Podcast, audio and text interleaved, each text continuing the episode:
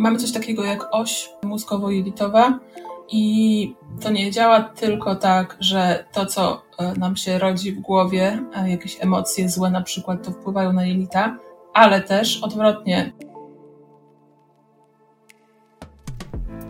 Cześć, nazywam się Ola. Mam 36 lat, normalną pracę, męża i ADHD.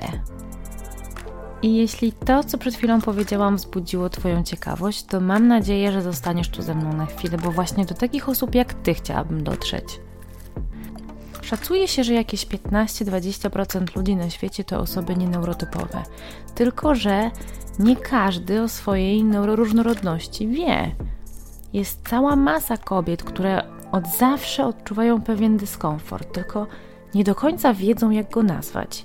I bez świadomości tego, co może być jego źródłem, szarpią się ze sobą i cierpią w milczeniu. Bo o ADHD czy szeroko pojętej neuroróżnorodności u kobiet mówi się zdecydowanie za mało. I bardzo chciałabym, żeby ten stan rzeczy zaczął się powoli zmieniać. No i właśnie dlatego tu jestem. Żeby podzielić się z Tobą moją historią i żeby dopuścić do głosu inne kobiety atypowe, z którymi będę tu rozmawiać. Dzisiaj więc historia mojej kolejnej gościni.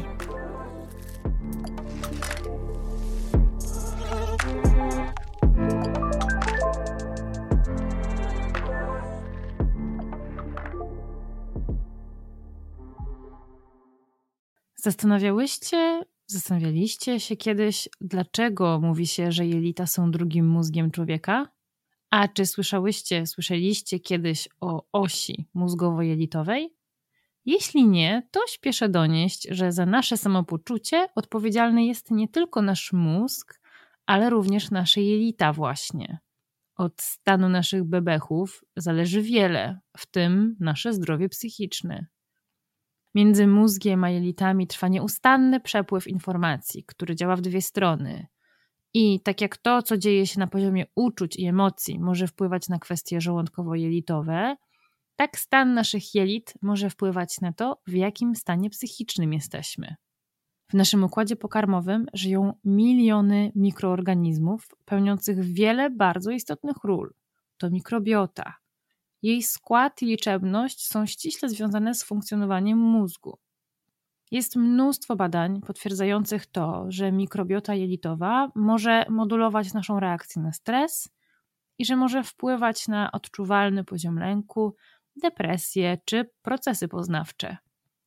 Poza tym są badania, które wskazują na związek między spektrum autyzmu a objawami zespołu jelita drażliwego. I zaczynają się pojawiać badania wskazujące na związek między dysbiozą jelitową a ADHD. I właśnie dlatego o wpływie mikrobioty na nasze zdrowie psychiczne, w kontekście neuroróżnorodności oczywiście, Rozmawiam tu z Kasią Rećko, dietetyczką specjalizującą się m.in. w wybranych chorobach układu pokarmowego, no i naszą siostrą adechadówką. Kasia to dietetyczka z wykształcenia i z pasji, a w swojej pracy, poza chorobami układu pokarmowego, specjalizuje się m.in. w dietoterapii zaburzeń hormonalnych, skóry, endometriozy, a także w bilansowaniu diet roślinnych. Kasia zafascynowana jest tematem mikrobioty jelitowej i jej wpływu na tak wiele kwestii zdrowotnych, od skóry przez układ pokarmowy po ludzką psychikę właśnie. Z racji szerokich zainteresowań zawodowych umie łączyć kropki i patrzy na człowieka całościowo. Zachęca do racjonalnego podejścia do żywienia, tak żeby zmiany były dostosowane do możliwości stylu życia i potrzeb pacjenta. Poza tym Chciałabym podziękować wszystkim osobom, które zdecydowały się do tej pory wesprzeć mnie i postawić mi wirtualną kawę. To dzięki Wam mogę dbać o to, żeby to, co robię, było robione na wyższym poziomie. A jeśli chciałybyście, chcielibyście mnie wesprzeć, to możecie to zrobić klikając w link, który widnieje na dole opisu tego odcinka albo w opisie profilu na moich socialach. No i już bez przedłużania, zapraszam Was do wysłuchania tej rozmowy. Cześć Kasia. Cześć Ola. Powiedz mi, jak twoje bebechy? Spięte. Spięte, ale polewam je e, ciepłą wodą. Ciepłą wodą? Tak. A co robi ciepła woda na bebechy? Trochę mi tak e, je rozluźnia. I też e, mój fizjoterapeuta, osteopata kazał mi na przykład robić takie ciepłe okłady na brzuszek z termoforku albo pić ciepłe rzeczy właśnie.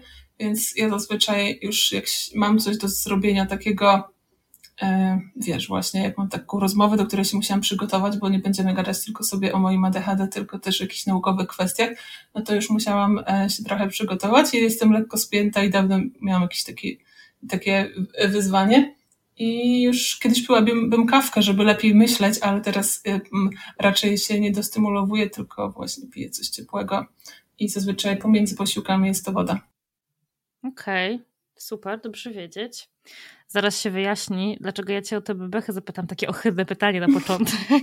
Zdziwiłam się. Tego nie było. Tego jeszcze nie było.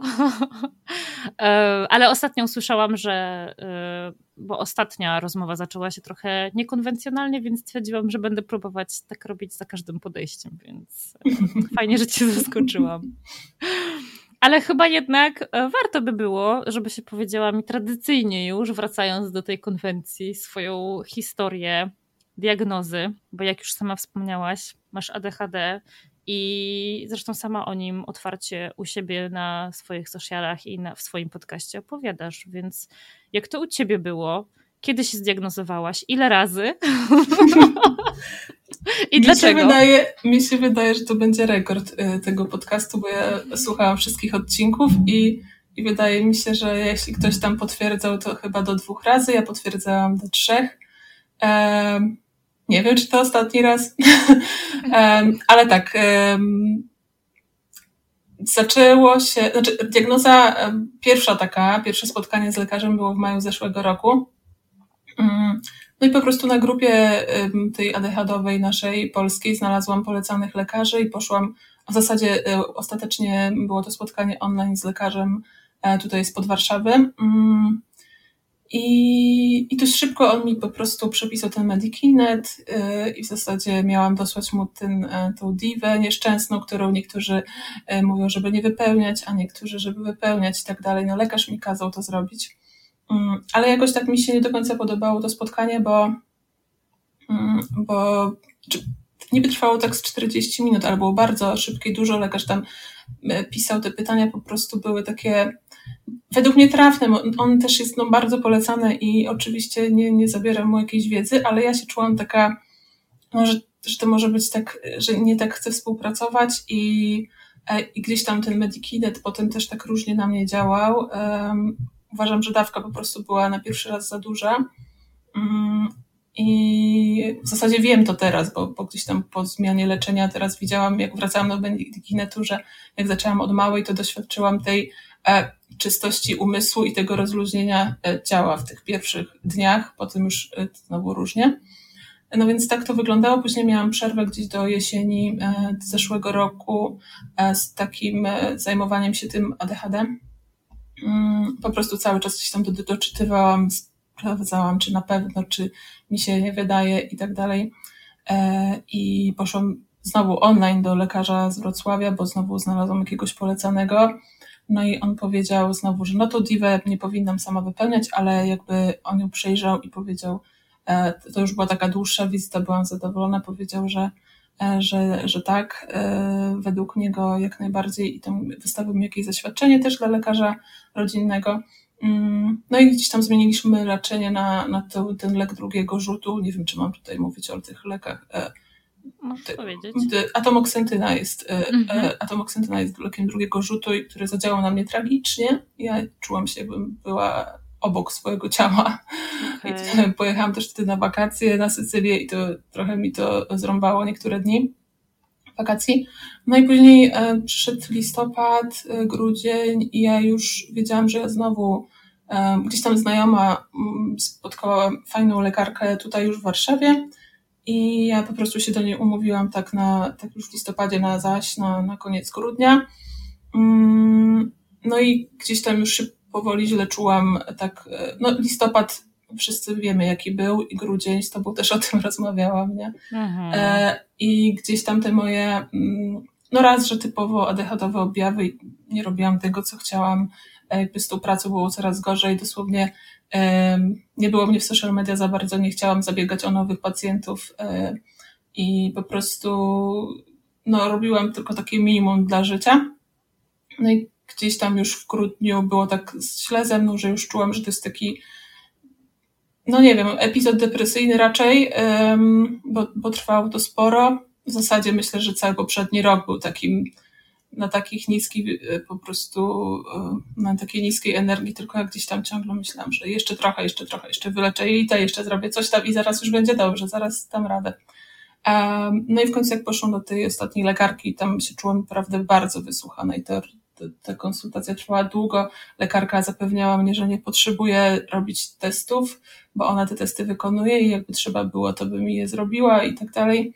E, no i gdzieś tam wdrożyłyśmy leczenie antydepresyjne i, i e, do tego Medikinet i gdzieś u mnie to zaczęło działać. Zaczęłam przede wszystkim spać, bo u mnie zawsze największym, zawsze mówię, że w ogóle e, przez większość swojego życia spałam jakoś tak średnio 6 godzin lub no, czasami dużo więcej, czasami dużo mniej. I no jakby niewysypianie się to, to taka historia mojego życia od dzieciństwa, jakby od zawsze. W wyniku stresu, w wyniku nadmiernych dźwięków, e, bo brat za głośno oddychał, e, bo, bo coś tam, e, więc jakby ten brak snu zawsze do mnie wracał. No i jak zaczęłam się wysypiać, zaczęłam brać leki, jest teraz dużo lepiej. No i tak to wygląda. Ale gdzieś tam w ogóle myślę, że jeszcze z rok, rok temu w styczniu, jakby jak usłyszałam o ADHD od mojej partnerki produktywności w ogóle e, w wirtualnym coworkingu, do którego należę, e, złączyli nas e, z, z taką jedną dziewczyną w partnerki produktywności i ona mi powiedziała o swoim ADHD. Oczywiście zamiast razem pracować gdzieś tam na kamerkach, to, to my po prostu gadałyśmy o życiu i po prostu jak się umawiałyśmy, że na za tydzień mamy coś tam zrobić dla swoich biznesów, to to nie było wykonywane i zawsze miałyśmy super wymówki i zawsze super jakoś się wspierałyśmy w tym nierobieniu. To było niesamowite. Wspaniała partnerka Tak, to jest w ogóle kosmos. I jak ona się ze mną podzieliła, że ma to ADHD, to ja myślałam, że ona mi zdradziła nie wiem jaką tajemnicę, bo przecież no nie wiem, ja nie spotkałam wcześniej osoby z ADHD, y, która jest y, w wieku dorosłym przecież, nie?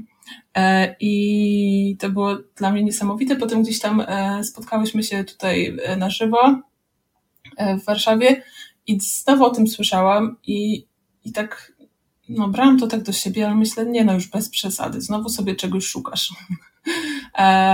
Ale no tak, gdzieś do mnie kolejne treści o ADHD docierały, między innymi um, Julki y, Migdalskiej, tak u Ciebie mm -hmm. była, ale też mm -hmm e, Olgi, Boże, jak mogłam zapomnieć nazwiska, też z Instagrama Olga, która zajmuje się też, e, gotuje e, i, i teraz ma taki jakiś tam swój lumpeks też e, online, więc też ma różne biznesy e, i a, a z wykształcenia jest prawniczką. I ja sobie po prostu mhm. oglądałam e, Olgę i, i chyba u niej najwięcej mi się zgadzało i tak potem zaczęłam już e, szukać bardziej na grupach, zaczęłam oglądać filmy, no i twój podcast. Nie wiem, od kiedy jest twój podcast, y, ale. Y, Początek sierpnia, powiedzmy. A, czyli dopiero potem, dobra, czyli wcześniej jakichś innych podcastów musiałam słuchać, bo już na pewno y, pewnie z SWPS-u zaczęłam i, i później jakieś zagraniczne też i, i zaczęłam to składać wszystko w całość. No. Mhm. A skąd ta potrzeba do diagnozowywania się w tobie, jak myślisz? E bo leki nie działały tak, jak chciałam, bo, hmm. bo, bo właśnie czułam trochę. Mm, lekarz mi przepisał jedną dawkę, która działa ileś tam godzin. Y, jak była za mała, to miałam ją podwoić, ale to podwojenie to już było dla mnie za dużo, prawda? Mhm. I to po prostu było takie, no skoro to tak na mnie działa, to chyba nie mam tego ADHD. Albo, no jakby wynika to też na pewno z takiej mojej, y, z racji, bo nie wiem, chyba to nie padło, że jestem dietetyczką, ale pewnie w zapowiedzi to powiesz. I to, gdzieś tam drążę te tematy związane z mikrobiotą jelit, z niedoborem żelaza, a te tematy bardzo mnie dotyczą, mimo że pomagam wielu osobom, to sama sobie jakby jestem jeszcze w trakcie, bardzo w procesie mhm. e, i gdzieś tam wiem, jaki mam poziom żelaza, wiem, że jakiś czas temu mocno mi spadło B12 mimo suplementacji, wiem, że tutaj e, na tym polu się dzieje sporo i z czego, e, że ta mikrobiota moja jest na pewno, mm, jakby na pewno mam jakąś dysbiozę i jakieś tam problemy, które bardzo na, na głowę rzutują, o czym potem powiemy. Mm, więc jakby te wątpliwości są stąd. Z drugiej strony, e, jak walczę z tymi wątpliwościami, to, no to przypominam sobie dzieciństwo, jak poszłam e, w dwóch innych butach do kościoła. Oczywiście żadne z rodziców nie zauważyło. Byliśmy na mszy, byliśmy na cmentarzu za kościołem daleko. Dopiero chyba jak wracaliśmy z tego cmentarza, to zauważyli, że mam dwa inne buty a, była, a przyszliśmy jeszcze ze szkoły, no po prostu e, to jest takie wymowne, albo jak szłam gdzieś tam się zamyśliłam i walnęłam się w słup e, i już nie ma tego słupa i zawsze mój tata mówi, że ja przestaw, nawet przestawiam słupy. E, no i zawsze byłam taka no, wiecznie spóźniona, zestresowana e, w szkole już od najmłodszych lat, zawsze pisałam wszystko na ostatnią chwilę, nie zdarzyło mi się, żeby wyjść z klasówki, kartkówki czy kolokwium, e, na które e, umiałam, bo jak nie umiałam, to że zdarzało mi się wyjść, ale e, nie zdarzyło mi się, żeby nie wykorzystać całego czasu. Na maturze tak samo. Jakby zawsze siedziałam bardzo długo. Niby nie miałam żadnej dysleksji stwierdzonej, byłam dobra z ortografii. Teraz mam trochę czasami problemy, z, muszę sprawdzić czasami jak coś napisać, ale kiedyś byłam dobra. I wiesz, tak to się trochę niby nie łączy, ale z drugiej strony rzeczywiście zawsze było tak, że ja, no, te, te deadlines, te ostatnie terminy to były zawsze dla mnie, nie? Więc y, jak sobie pomyślę o tym dzieciństwie, to jednak coś tam mi się składa. E, no też y, podejrzewam trochę u swojej mamy, a nawet bardzo, e, bo gdzieś tam jak pomyślę o innych rodzicach i o mojej mamie, e, to, to mi się to składa. E, no więc tak wtedy sobie mówię, albo oversharing jest dla mnie bliski i, i gdzieś tam myślę sobie, dobra, bo niedobór uwagi, e, jakby zaburzenia uwagi czy, czy koncentracji oczywiście mogą być spowodowane przez deficyt żelaza czy, czy inne rzeczy, czy na przykład wahania glukozy we krwi, no ale są takie rzeczy, które mnie dotyczą, które no nie wynikają z tego, prawda? E, więc gdzieś tam szala jest e, jednak trochę bardziej po stronie tego, że wierzę, że mam ADHD. No i tak jak mówisz, to dzieciństwo. No jeżeli masz jakiekolwiek wątpliwości, to tam trzeba, tam trzeba szukać dowodów i sama je znalazłaś, więc zresztą do, domyślam się, że wszyscy trzej psychiatrzy też, też ich tam szukali. Tak, tak, e, tak było. No ale wiesz, dobrze się uczyłam, nie? Natomiast zawsze to było okupione bardzo dużą no, dużą ceną, bo jakby nie, jak wystarczyło, że chwilę mnie nie było w szkole, już bardzo się gubiłam. E, za to, jak szłam na korepetycję, w moment wszystko nadrabiałam i raczej jak ktoś poświęcił mi uwagę, to, to potrafiłam z dwójki z chemii wejść na piątkę albo szóstkę i, i tak jakby zawsze tak było. Natomiast jakby no, szkoła mi się kojarzyła z czymś takim, jakby nie wyobrażam sobie, jakby zawsze jak mam pacjentki, nastolatki i słyszę, że one chodzą do szkoły na siódmą, ósmą, e, mają ogrom lekcji, to mi już boli brzuch na samą myśl i jakby i tak wyglądała moja szkoła, jakby za nic w świecie bym tam nie wróciła. No ale wiesz, no jakby nie byłam na pewno dzieckiem nad, nadaktywnym, na pewno bardzo emocjonalnym, e, ale na pewno nie nadaktywnym, więc no znowu tak stereotypowo nie pasuje. Mm, no a te zaburzenia uwagi to takie znowu jak się bałam nauczyciela, to uważałam bardzo, e, jak nie, no to nie. I takie to wszystko nieoczywiste mi się wydawało, a z drugiej strony też nie, deficyt żelaza można mieć e, od zawsze. Ja zawsze byłam anemiczna. No i gdzieś tak ta moja głowa walczy w te i we w te, no. Ja znam takie osoby, które tak do dzisiaj walczą i znaczy jakby ja nie jestem, nie jestem psychiatrą i absolutnie nie mogę ich diagnozować, ale znam takie osoby, które czuję, że no, mogłyby się na diagnozę wybrać, żeby sprawdzić ze specjalistą, ale tak się bronią i właśnie szukają w różnych innych przyczynach. I ja ci powiem z mojego osobistego doświadczenia, że ja na przykład teraz tej jesieni i zimy miałam taki porządny epizod depresyjny. E, I powiem ci, że no niby wiem, jak ta depresja wygląda, niby powinnam potrafić u siebie rozpoznać jej pierwsze objawy, ale tak samo szukałam wymówek i myślałam sobie, tak jak trochę, trochę tak jak ty, że mm, tutaj leczę, leczę jelita, więc to pewnie to, to na pewno te leki, a potem coś innego. I tak e, minęło parę miesięcy, e, leczenie minęło, leczenie się skończyło, a objawy nie ustępowały. Co gorsza, było coraz gorzej. No I okazało się, że dopadła mnie ohydna depresja. Y, ja w ogóle też mam wrażenie, że ta jesień i zima była jakaś taka wyjątkowo trudna dla nas wszystkich. Zastanawiam się dlaczego. Mm, tak, też tak uważam i w ogóle teraz sobie myślę, że mogłam pojechać na wakacje w listopadzie i złapać to słońce, bo w październiku jeszcze było ze mną względnie i tak. w ogóle jakby no i w Polsce i y, u Ciebie też, prawda, jakby pogoda tych miesiącach no, nie pomaga. No, jakby to nie światło, światło jest bardzo, ja jestem bardzo światło lubna i potrzebuję strasznie tego słońca i jakby też jakby pomyślę o lecie, to po prostu było ze mną okej, okay, nie? Mhm. Nie było takiego wow, jak niektórzy wręcz znam osoby, które po prostu latają w tych promieniach słońca, z, mają tak dużo energii.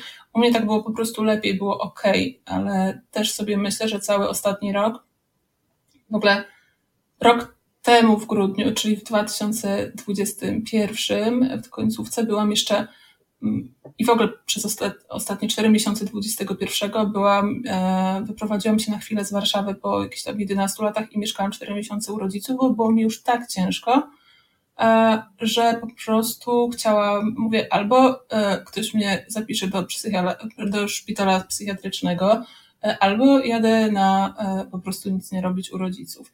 Nie jest to idealna opcja, bo e, nie jestem z rodziny, która jest super mm, zdrowa psychicznie, jak myślę większość rodzin w Polsce, więc tutaj nie powiem nic, za co będą na mnie źli, ale po prostu nie wiedziałam innej opcji. I jak przyjechałam do Warszawy w styczniu, to już tak mam wrażenie, że sobie trochę wmawiałam, że już jest okej, okay a tak naprawdę i wtedy jak tam byłam i później przez ten cały rok teraz w Warszawie, to było takie pływanie po powierzchni. E, po prostu widzę to po swojej pracy, po, ty, po mojej działalności w social mediach, e, ile mi tam było, jak mi się tam nie chciało być. A kiedyś jak mi się chciało, pamiętam początki mojego biznesu, jak miałam, wiesz, wszystko nowe, fajne i w ogóle i chciało mi się robić. I już nie wiedziałam, czy po prostu to jest kwestia tego, że ja mam, jakby nie chce mi się robić tego, co robię, że straciłam jakby fan i nawet y, próbowałam programowania przez chwilę się uczyć, e, czy po prostu mam depresję. I tak sobie myślę, że to było przez ten cały ostatni rok też takie no, na bardzo, bardzo niskiej, e, na niskim poziomie takiej energii. I to już jakby nie wdrażałam się bardzo z lekarką w to, co to było i tak dalej, ale na pewno to był taki lekki stan depresyjny co najmniej przez te ostatnie półtora roku. No. No to też jest tak, że wypalenie zawodowe często ma bardzo podobne objawy do depresji, więc z tym też trzeba uważać, a my mamy skłonność do wypalenia, bo my się tak rzucamy na głęboką wodę z tym, co robimy od razu, na, na główkę skaczemy i cało, całymi, całymi sobą, całym sobą Dokładnie. Wszystko robimy, zwłaszcza jeżeli nas temat interesuje, więc trzeba być bardzo ostrożnym. Ale ty, powiedzmy, jakby przed diagnozą, mm, albo zanim zaczęłaś ten temat ADHD zgłębiać, e, miałaś epizody depresyjne takie nawracające, które próbowałaś leczyć? Tak. Jakby od zawsze byłam, tak jak mówiłam, taka lękowa i wrażliwa i po prostu bardzo reaktywna emocjonalnie, ale gdzieś jak poszłam na studia, to jakby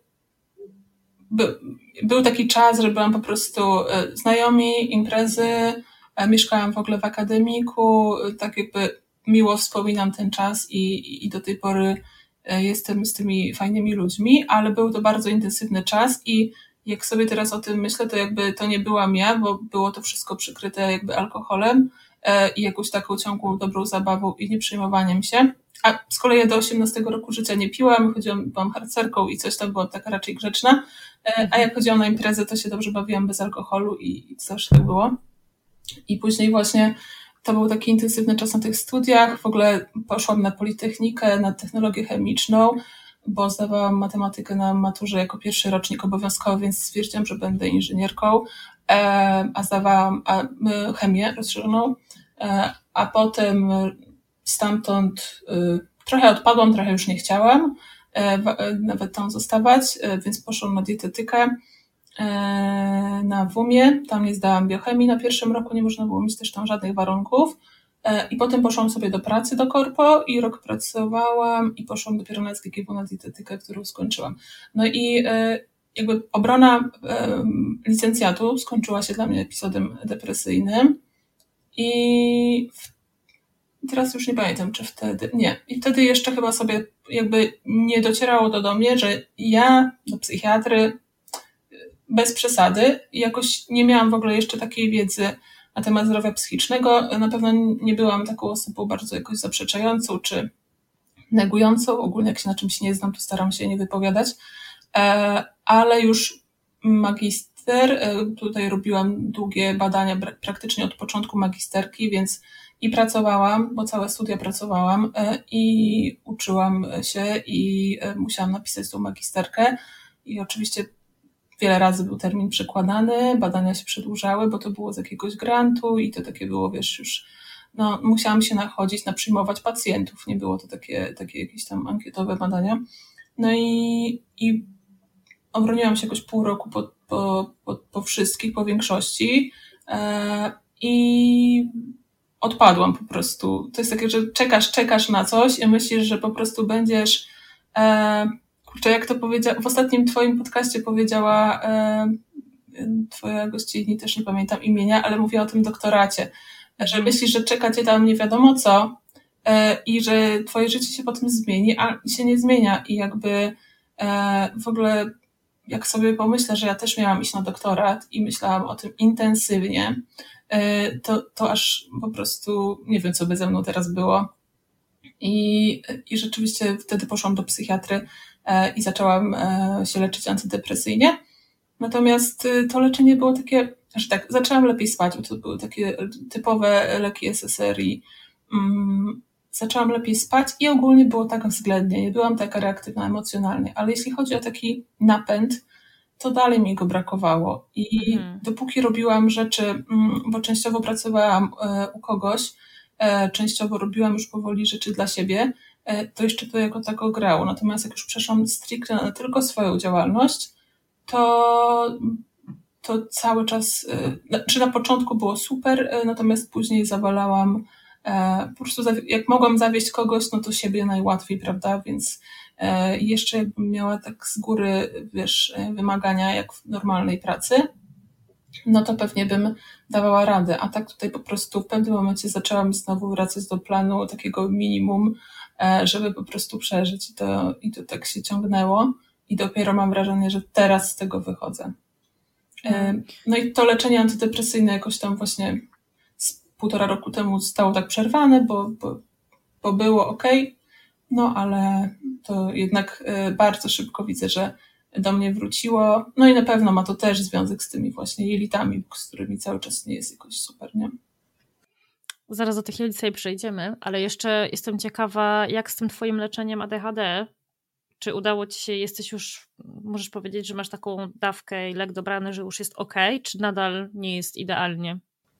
Chociaż idealnie to jest o, jakby taka poprzeczka dosyć wysoko ustawiona. Tak, dokładnie. E, to znaczy tak, w tych pierwszych, e, bo dosłownie od samego początku stycznia zaczęłam brać e, znowu SSRI i po, po tam tygodniu czy dwóch Medikinet z powrotem. No i lekarka dała mi różne dawki i różne formy, i R, i CR, i od 5 mhm. mg, i dziesiątki, i po prostu powiedziała, że no nie ma innej drogi, żebym się czuła bezpiecznie, a i dała mi jeszcze też lek na obniżenie tętna, bo jakby ja jestem taką osobą, która jakby czuje, że coś się dzieje w moim ciele, to ja zaczynam panikować, więc wiele z tych um, akcji z tym e, Medikinetem wcześniej wynikało z tego, że albo się napiłam kawy, bo nie czułam, że Medikinet działa, więc dopiję se kawką, E, albo, e, albo wzięłam właśnie za dużo i po prostu serce mi waliło i się bałam, że zejdę.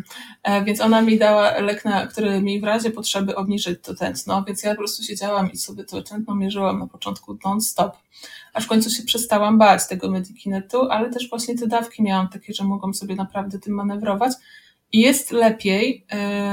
Natomiast no, no, widzę to, że jakby po już półtora miesiąca nie działa to tak super. Ważne są na pewno przerwy. Mm, I natomiast mam takie poczucie, i teraz idę w przyszłym tygodniu na jakąś tam korektę tego leczenia. Mam takie poczucie, że, że może bym chciała spróbować tego to jest taki nieformalny lek w ADHD, ten bupropion, bo on jest taki, działa na napęd i jest jakby, no działa non-stop.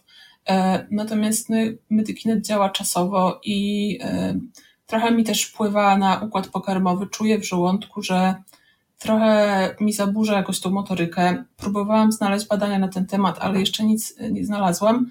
Natomiast no, chciałabym tak trochę żyć mniej, być mniej zależna od tego, jak on zadziała e, i w takie dni, gdzie potrzebuję się bardziej skupić, go brać. E, no i wiem, że tak można przy tych obu lekach, więc będę o tym rozmawiać z lekarką, bo ona też ten lek rozważała i, i zobaczymy. No ale na pewno jest tak, że jakby ilość pracy, którą wykonałam w styczniu, e, no to jakby w porównaniu do tego, co zrobiłam przez nie ostatnie 3-4 miesiące 2022 to jest ogromna, ogromna różnica, prawda? Jakby ja tam przez miesiąc robiłam tyle, co te, teraz może robię w niecały tydzień, co nie? Po prostu.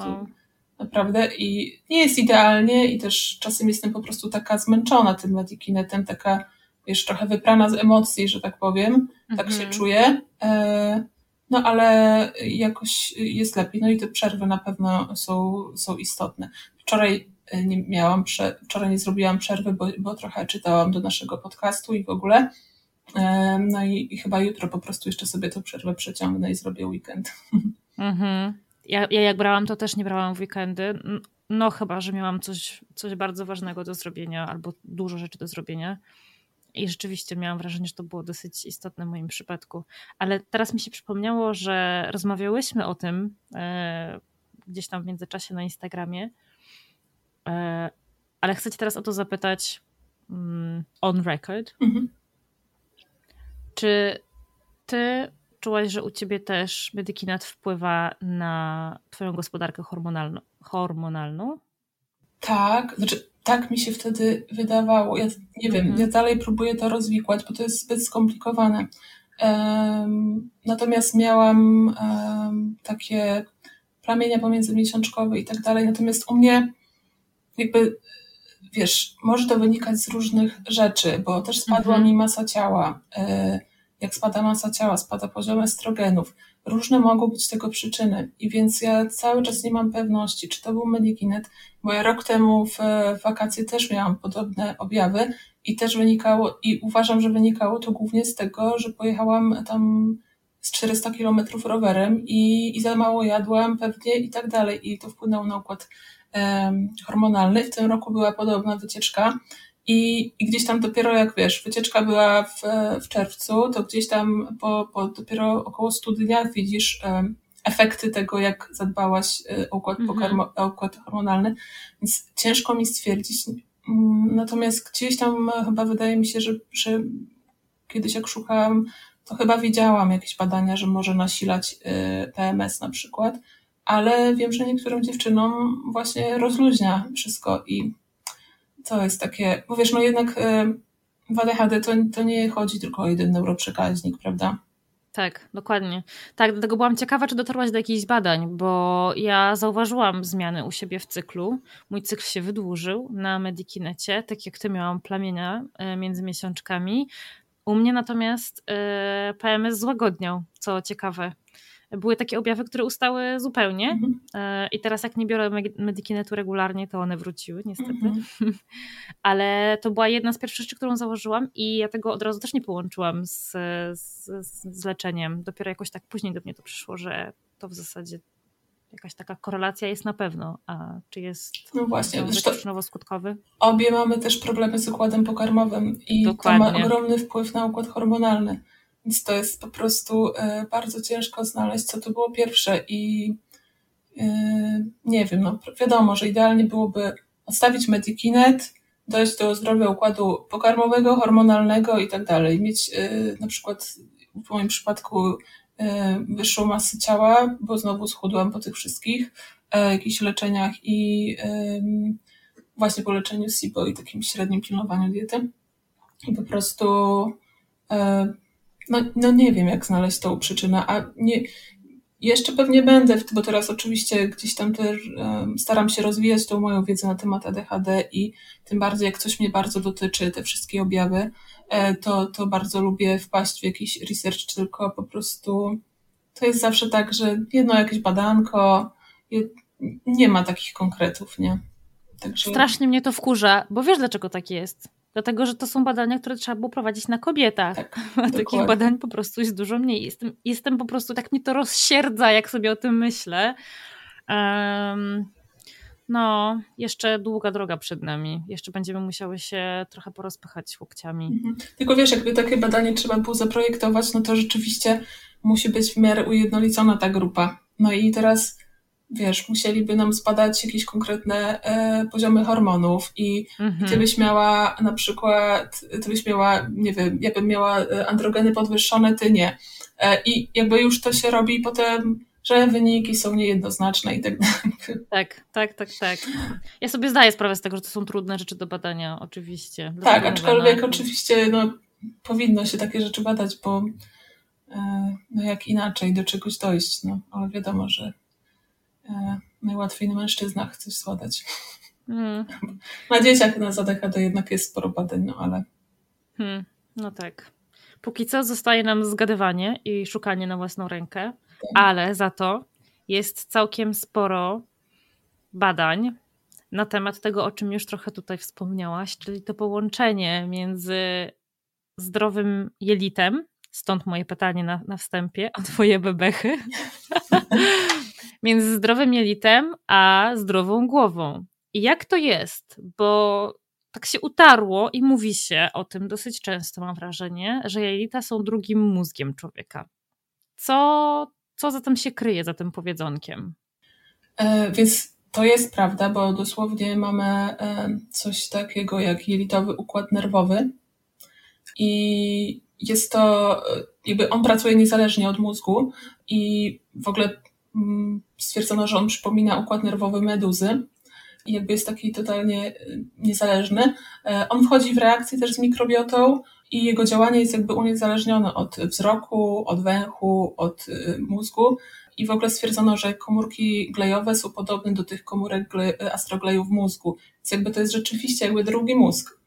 E, I tam są produkowane te wszystkie neurotransmitery, prawdopodobnie około 30 neurotransmiterów, na przykład serotonina, która jest tak tam no bardzo potrzebna, bo tutaj nie chodzi tylko o dopaminę na przykład, e, no to no 90%, nawet 95% serotoniny według niektórych publikacji jest produkowane w jelitach. Więc jakby wow. to wszystko tłumaczy i twoją i moją sytuację.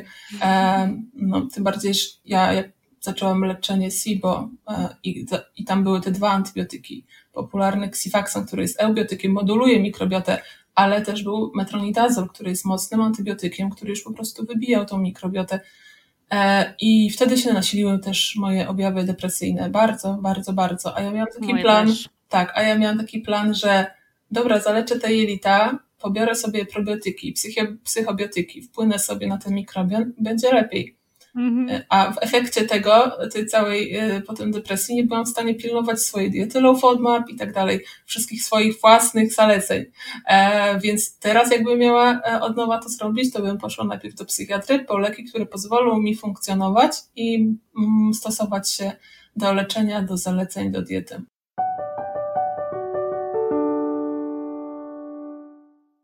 Cześć tu Kasia z przyszłości. Ja i mój perfekcjonizm chcieliśmy Wam powiedzieć trochę dokładniej o serotoninie, bo na podstawie tego, co powiedziałam w podcaście, myślę, że można było odnieść mylne wrażenie, że 95% serotoniny bezpośrednio wpływa nam na mózg, e, a Bardziej um, jednak chodzi o to, że ta serotonina w układzie pokarmowym ma trochę inne funkcje, a ta w ośrodkowym układzie nerwowym e, inne i, i tam dokładnie mm, to wszystko się dzieje, o co nam chodzi w głowie. Więc tak naprawdę w tym ośrodkowym układzie nerwowym mamy jedynie 2% y, około tej serotoniny, natomiast jest ona kluczowa dla naszego poprawnego funkcjonowania. I ta serotonina po aktywacji odpowiedniego receptora jest zwrotnie wychwytywana e, z przestrzeni synaptycznej z udziałem odpowiednich transporterów. I teraz, jeśli chodzi o powiązanie tego skomplikowanego zdania, może z zaburzeniami e, czy chorobami psychicznymi, to jest tak, że zmiany w ilości albo aktywności tych receptorów, czy też właśnie transporterów są powiązane z rozwojem różnych chorób. I mogą to być zaburzenia lękowe, uzależnienia, zaburzenia nastroju, schizofrenia, e, czy też właśnie ADHD i ASD.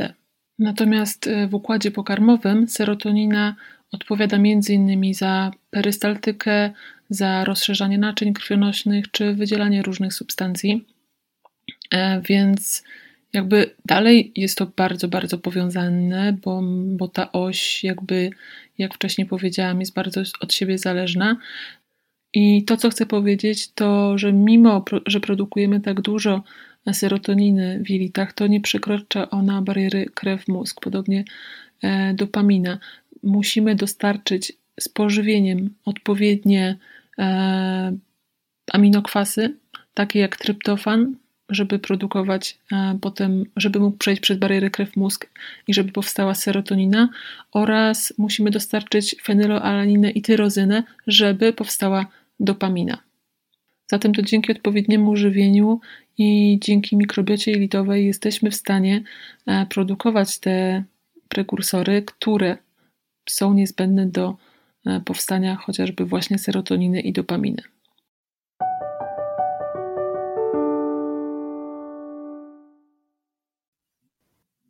Ale użyłaś, y, użyłaś słowa dosyć ważnego, którego na pewno użyjesz jeszcze, użyjemy w tej rozmowie wielokrotnie, tylko zdaję sobie sprawę z tego, że są osoby, które tego słuchają, które nie mają zielonego pojęcia, czym mikrobiota w ogóle jest. Czy mogłabyś o tym trochę powiedzieć? Jasne.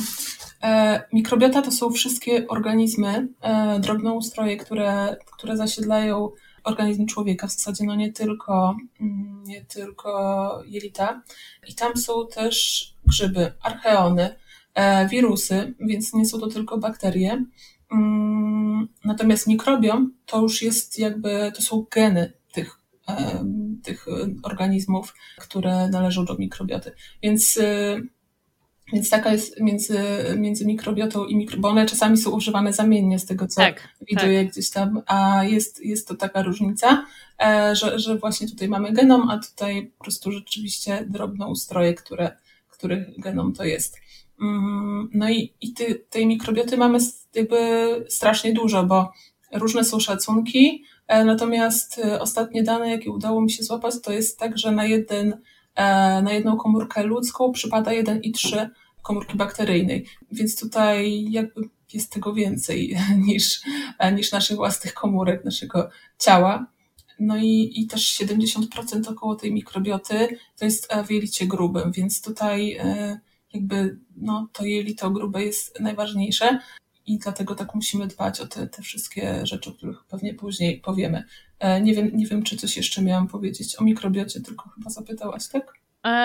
Tak, zapytałam tylko, czym ta mikro, mikrobiota jest, więc jakbyś mogła teraz to rozwinąć powiedzieć trochę o, coś o tym, co ona w ogóle robi? Jaka jest jej rola w naszym organizmie? Dlaczego tego cholerstwa jest tak dużo? Znaczy, to, co pierwsze się pewnie wszystkim kojarzy, to, że na przykład chroni przed infekcjami, tak? Bo jak wybraliśmy antybiotyk, to lekarz tam powiedział, żeby osłonowo wziąć e, coś, to jakiś probiotyk, zazwyczaj na 7 dni zamiast co najmniej 3-6 miesięcy. Dokładnie. tak, e, więc, więc pewnie to też nie pomogło w naszym ADHD.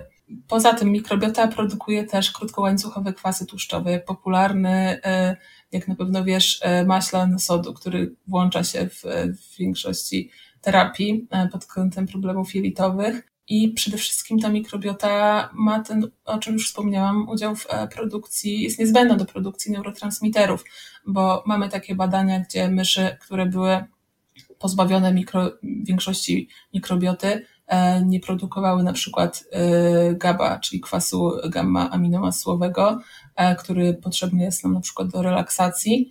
I tutaj jakby no, nie da się bez tej mikrobioty w, w kontekście produkcji neurotransmiterów. Jest to bardzo ściśle powiązane. Mm, no i generalnie też e, etiopatogeneza wielu chorób jest związana z mikrobiotą, czy cukrzycy. E, w cukrzycy bardzo się zmienia mikrobiota, bo bodajże z 50% e, ludzi z, z cukrzycą ma na przykład SIBO, o którym też później powiemy, więc no, bardzo jest to związane z naszym zdrowiem i nie jesteśmy w stanie ani produkować neuroprzekaźników, ani być zdrowi, E, mieć właśnie dobrej odporności, dobrego samopoczucia, e, jeśli ta mikrobiota nie będzie na takiej e, dobrej liczebności, ale też w odpowiednich miejscach, więc, więc jest to bardzo, bardzo istotne dla naszego zdrowia.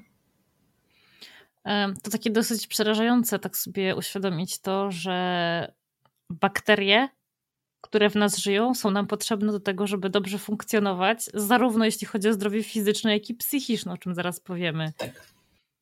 No ale właśnie, no to tak, jeżeli już o tym zdrowiu psychicznym, to ja bym chciała, żebyś tym powiedziała, no bo właśnie, no bo mówi się o tym, że jelita są drugim mózgiem człowieka, że, że jest to połączenie między jelitem a mózgiem w ogóle, e, chociaż są osoby, które to negują.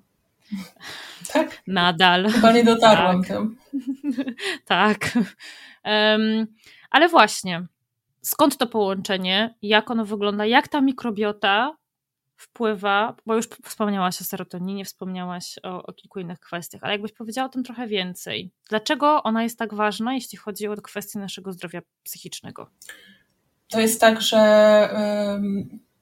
mamy coś takiego jak oś y, mózgowo-jelitowa, i to nie działa tylko tak, że to, co e, nam się rodzi w głowie, e, jakieś emocje złe na przykład, to wpływają na jelita, ale też odwrotnie, czyli e, to, co się dzieje w jelitach, jaki mamy skład mikrobioty, oddziaływuje na mózg, więc to jest taki dwukierunkowy szlak.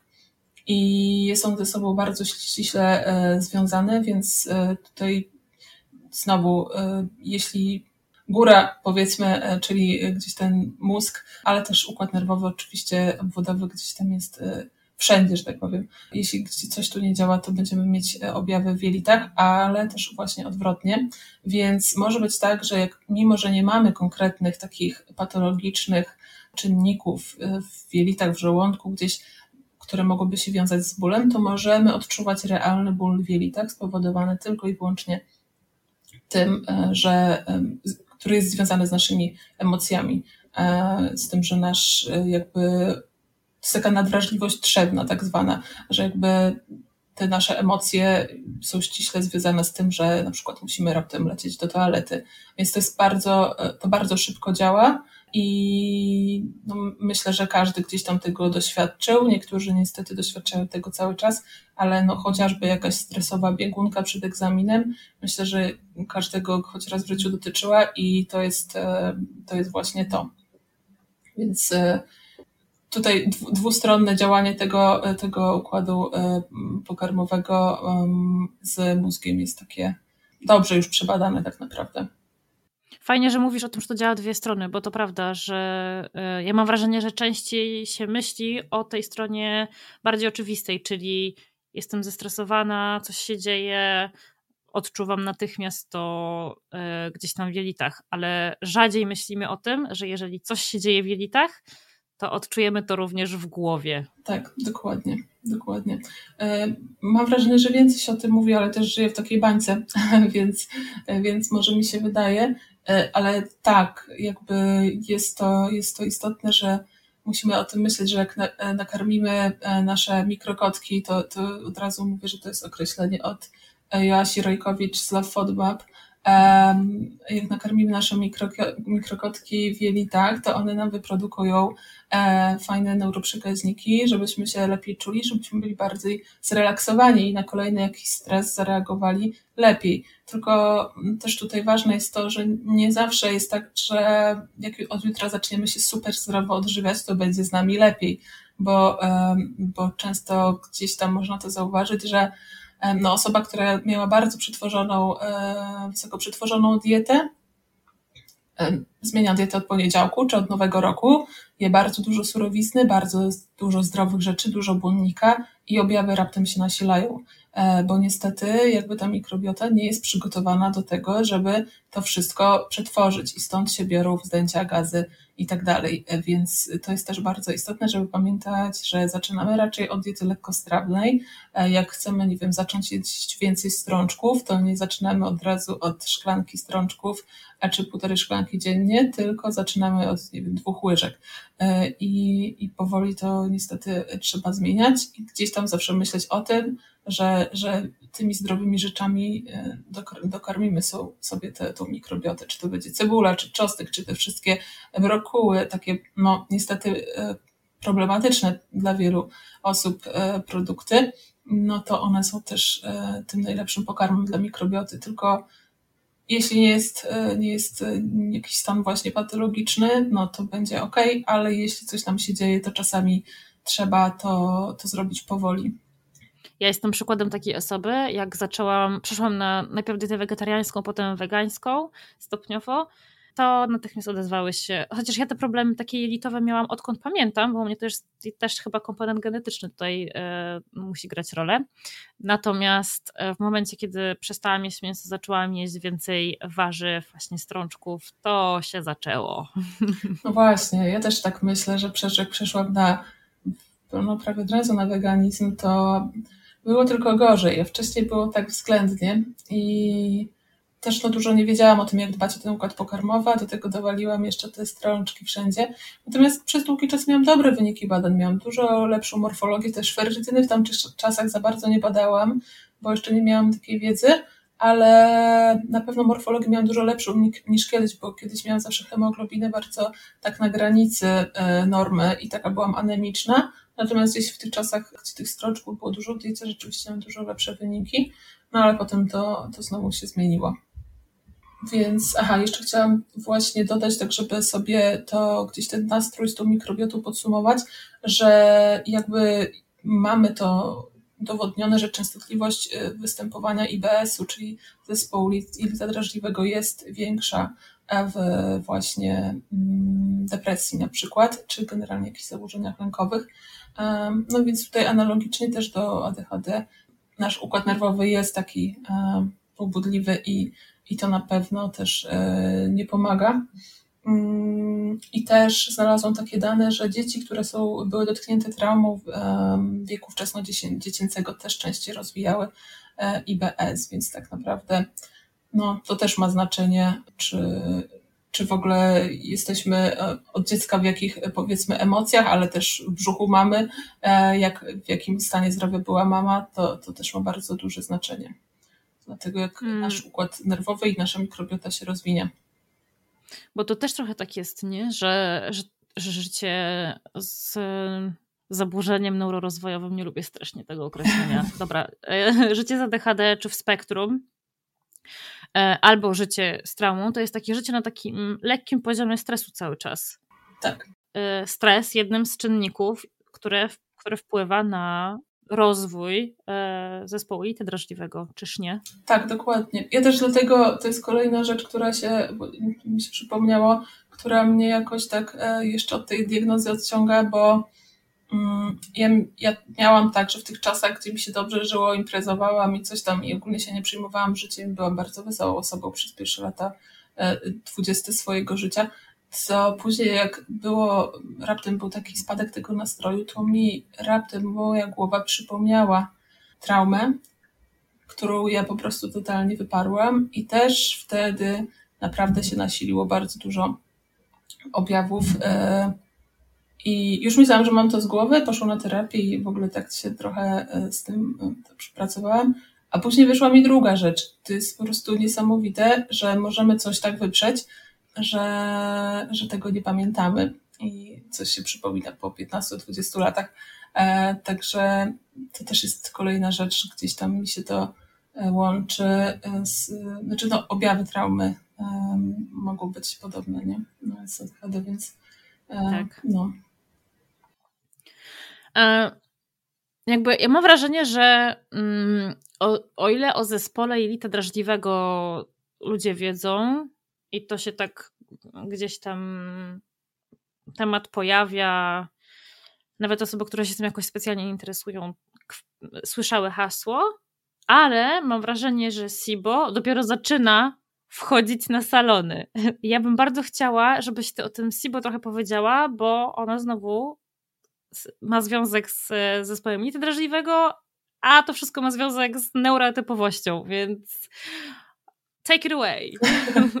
Okej. Okay. E, myślę, że jeszcze tylko dopowiem, że, że to jelito drażliwe, o którym pewnie sporo osób właśnie słyszało, wie i gdzieś tam e, mogło odczuć objawy, jeśli, jeśli, jest, e, jeśli jesteśmy takimi wrażliwymi osobami, e, to, to też e, 80, nawet 50-85% osób z IBS-em e, ma, rozwija SIBO.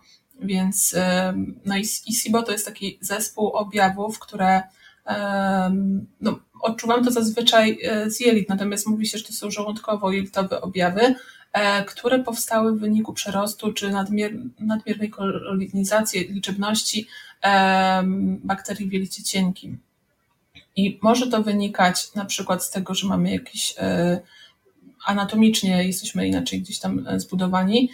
Mogą być też zaburzenia czynnościowe, bo jelito cienkie generalnie, w którym mamy ten nadmiar że tak powiem, tych bakterii. Ono ma tam jakieś bakterie, natomiast najwięcej ma jelito grube, tak? czyli to dalsze. E, I jelito cienkie jest, ma takie mechanizmy, które chronią e, to jelito przed nadmierną kolonizacją. E, I jest to na przykład taki mioelektryczny kompleks wędrujący, który nam sprząta pomiędzy posiłkami. Jest to obecność żółci, enzymów trzustkowych, więc znowu jak mamy na przykład problemy z trzustką, problemy z wydzielaniem żółci, może być y, to na przykład czynnikiem SIBO. Mogą być też problemy z tym, że mamy nieodpowiednio kwaśne środowisko żołądka, więc wtedy już z dwunastnicy jeszcze do, do jelita trochę tej kwaśnej treści wpływa. Więc jeśli to nie ma miejsca, to znowu mamy tutaj nadmierną kolonizację. Mm, może być też problem z zastawką krętniczo-kątniczą, e, no ale to wszystko jakby może prowadzić do tego, czy właśnie IBS, czyli znowu zmiana rytmu wypróżnień, e, czy zmiana konsystencji stolca, są różne typy IBS-u, to wszystko może prowadzić do tego, że w tym jelicie cienkim będziemy mieć przerost e, czy bakterii, czy archeonów, czy też może być przerost grzybiczy, czyli bierzemy to zazwyczaj pod, pod płaszczykiem, że tak powiem, SIBO, natomiast SIBO to jest bardziej, to jest do bakterii, IMO to jest przy przeroście archeonów i to jest bardziej w zaparciach, e, SIFO jest bardziej przy przeroście grzybiczym. Może być też e, SIBO takie mieszane, wodorowo-metanowe, czyli wtedy mamy biegunki zaparcia, dlatego, dlatego robić też odpowiednią diagnostykę w tym kierunku, żeby się dowiedzieć, jak to wygląda. Ale to SIBO właśnie się wiąże też z niedoborami różnych witamin, Stricte z żelazem, o którym będziemy chciały powiedzieć, teoretycznie nie. E, natomiast e, jeśli na przykład SIBO jest e, w obecności na przykład celiaki, gdzie mamy duże problemy już z wchłanianiem, no to rzeczywiście tutaj niedobór żelaza może się pojawić, ale też no głównie są to witaminy z grupy B, bo te bakterie nam trochę tak podjadają, a nawet nie trochę te witaminy z grupy B, no i też w wyniku mm, nieprawidłowej czynności jakby śluzówek B12 też może być e, obniżone, więc e, to wszystko bardzo wpływa na nasz nastrój, bo witaminy z grupy B są bardzo istotne dla zdrowia e, psychicznego. No i, no i może być tak jak u mnie, że mimo, że suplementowałam sporą dawkę B12, raptem ona zaczęła spadać. Stąd rozwiązanie zagadki, dlaczego zastanawiałaś się nad tym tak długo, dlatego, dlaczego tak drążyłaś ten temat, czy to są objawy ADHD, czy to po prostu niedobory witaminy B12, czy, czy kwasu foliowego żelaza. na przykład, tak. Albo, Albo żelaza, tak. No, a z żelazem no, tak jest, że mm, no, szczególnie jak jesteśmy na dietach wege, nie wiem, nie prowadzę żadnej statystyki, ale mam wrażenie, że osoby z ADHD są częściej na tych dietach wege, bo jesteśmy takie bardziej, e, jesteśmy tacy bardziej współczujący, jesteśmy tak, e, też mi się tak, wydaje. tak bardziej, po prostu tak widzę, tak, tak obserwuję po, po grupach, ale właśnie nie prowadziłam statystyki i myślę, że co najmniej ograniczamy te, te mięso. No i jeśli my mamy, mamy na tej diecie wege jeść strączki, żeby to żelazo dostarczyć, bo, bo głównym źródłem żelaza na dietach wege jest, są strączki, e, no to my wtedy w takim SIBO, jak mamy objawy po strączkach czy w IBS-ie, no to my ich nie zjadamy, więc na tym podłożu może też ten niedobór żelaza się tutaj pojawiać. No i generalnie, bo stricte bardziej się mówi o witaminach z grupy B albo też e, ADE, czyli tych rozpuszczalnych tłuszczach, bo w SIBO mogą być też te biegunki tłuszczowe. Nie wiem, czy coś jeszcze chciałaś? Po czym, Kasia, po czym poznać, że coś z tymi litami się dzieje na tyle poważnego, że czas się temu przyjrzeć? To znaczy tak, czasami już się dzieje, jak nie mamy objawów. E, może być tak, że robimy sobie badania i zrobimy sobie morfologię. Oczywiście lekarz może powiedzieć, że wszystko jest w normie, ale zachęcam do tego, żeby się przyglądać, czy coś jest w dolnej granicy normy, no bo sama hemoglobina jest, e, możesz mieć hemoglobinę 15, możesz mieć 11,5, 12, w zależności tam od laboratorium. E, no jeśli zawsze miałaś 15, tak jak ja, i raptem ci spadło do 12, to znaczy, że coś się dzieje. E, więc trzeba na takie rzeczy patrzeć. Mm, dodatkowo pogłębiać diagnostykę na przykład ferrytynę, która mówi nam tutaj o zapasach żelaza. Znowu, jak mamy jakiś większy stan zapalny, ferrytyna wzrasta, więc też nie jest idealnym wskaźnikiem. Warto mieć specjalistę, który to zestawi, więc może mogą być to wyniki badań, ale no, z takich rzeczy y, bardziej oczywistych, no to oczywiście wszelkie rzeczy, które nam utrudniają funkcjonowanie, no bo no, jeśli mamy tak, że nie jesteśmy w stanie, nie wiem, pojechać na wakacje, bo co nie zjemy, to mamy biegunki. E, nie jesteśmy w stanie wyjść z domu, bo po prostu do pracy czy do szkoły, bo, bo po prostu mamy biegunki przed y, lekcją, przed y, jakimś, nie wiem, prezentacją w pracy cały czas nam coś dolega i jesteśmy bardzo reaktywni na każdą sytuację życiową z tego układu pokarmowego, no to warto się tym zająć, bo może to być takie wczesne stadium i właśnie może być to tylko IBS, więc tutaj w IBS-ie um, najbardziej musimy zadbać o głowę, ale oczywiście też tutaj wsparcie czy probiotyczne, czy, czy dietetyczne jest um, pożądane. Natomiast um, nie wiem, co chciałam powiedzieć. Płynęłam i padłam. A czy, jak, zastanawiam się, jak zadać to pytanie, czy są badania, które pokazują jakiś związek, tak czarno na białym, związek między um, zespołem jelita drażliwego albo SIBO a atypowością? Jeśli tak, to co mówią? Ja raczej znam badania, które, e, bo gdzieś tam na potrzeby tego podcastu bardziej się to zagłębiałam, bo jeszcze jakiegoś gigantycznego researchu o dziwo nie zrobiłam. że jakby miałam oczywiście ten hiperfokus, co wszyscy.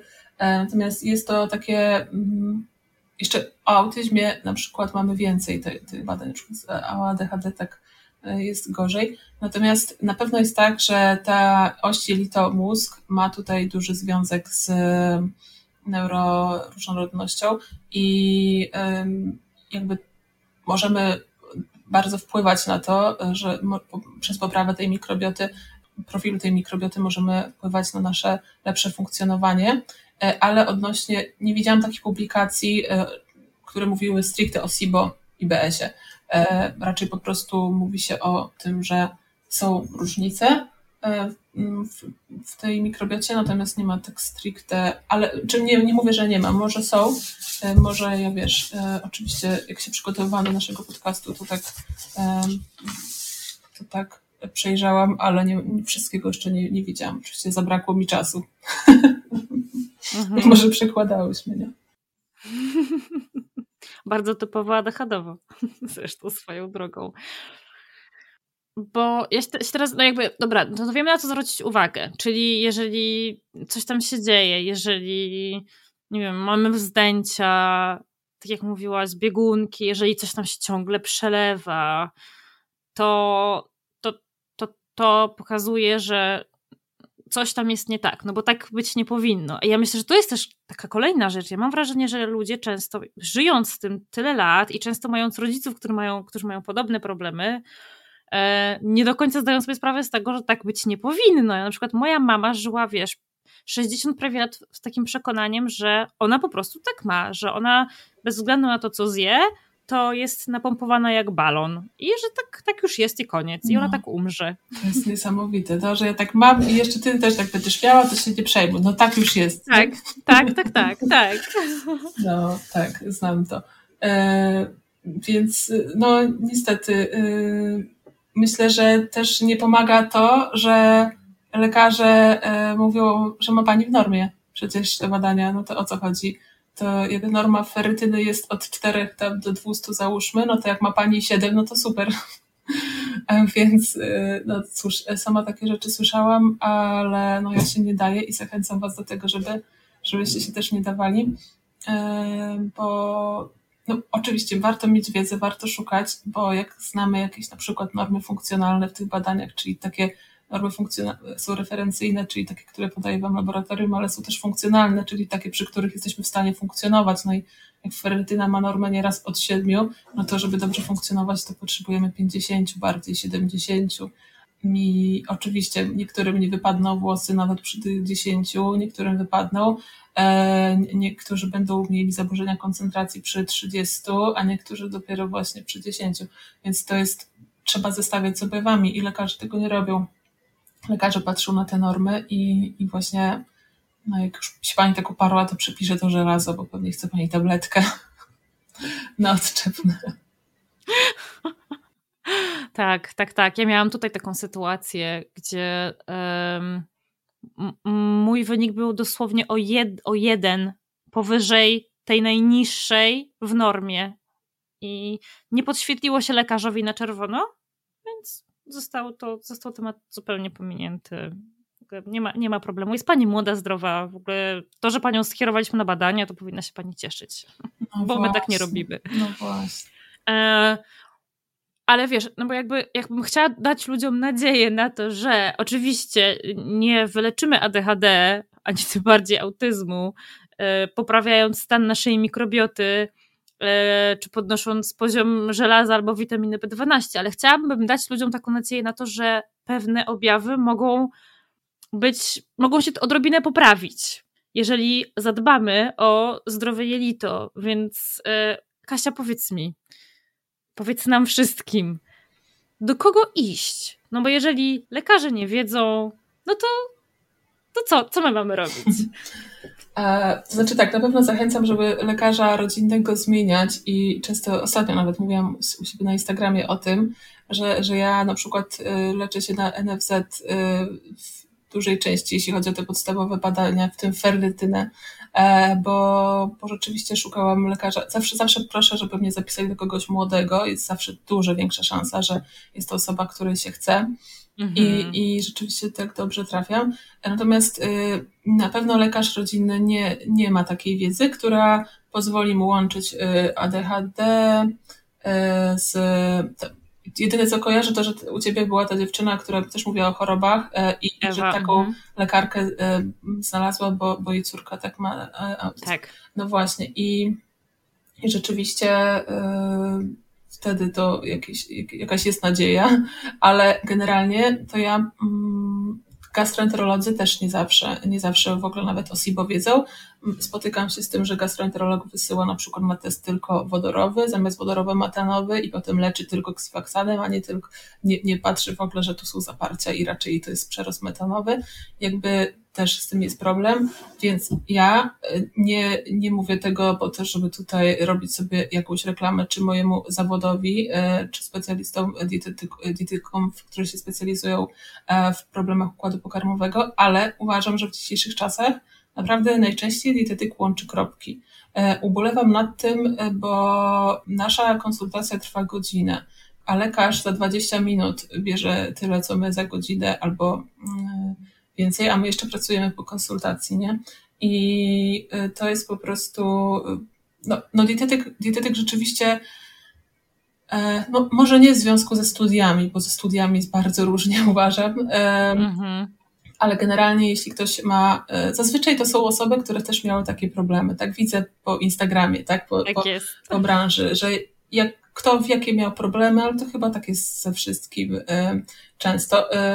Więc wtedy rzeczywiście się, im się więcej przeszło, mam wrażenie, tym się jest lepszym specjalistą. Więc ja się, ja jakoś nie ubolewam nad tymi moimi problemami, bo one mnie tyle u, u, nauczyły i jeszcze nauczą, że z pomocą leków psychiatrycznych jestem w stanie funkcjonować i być wdzięczna. Kiedyś tą swoją serotoninę sama wyprodukuję.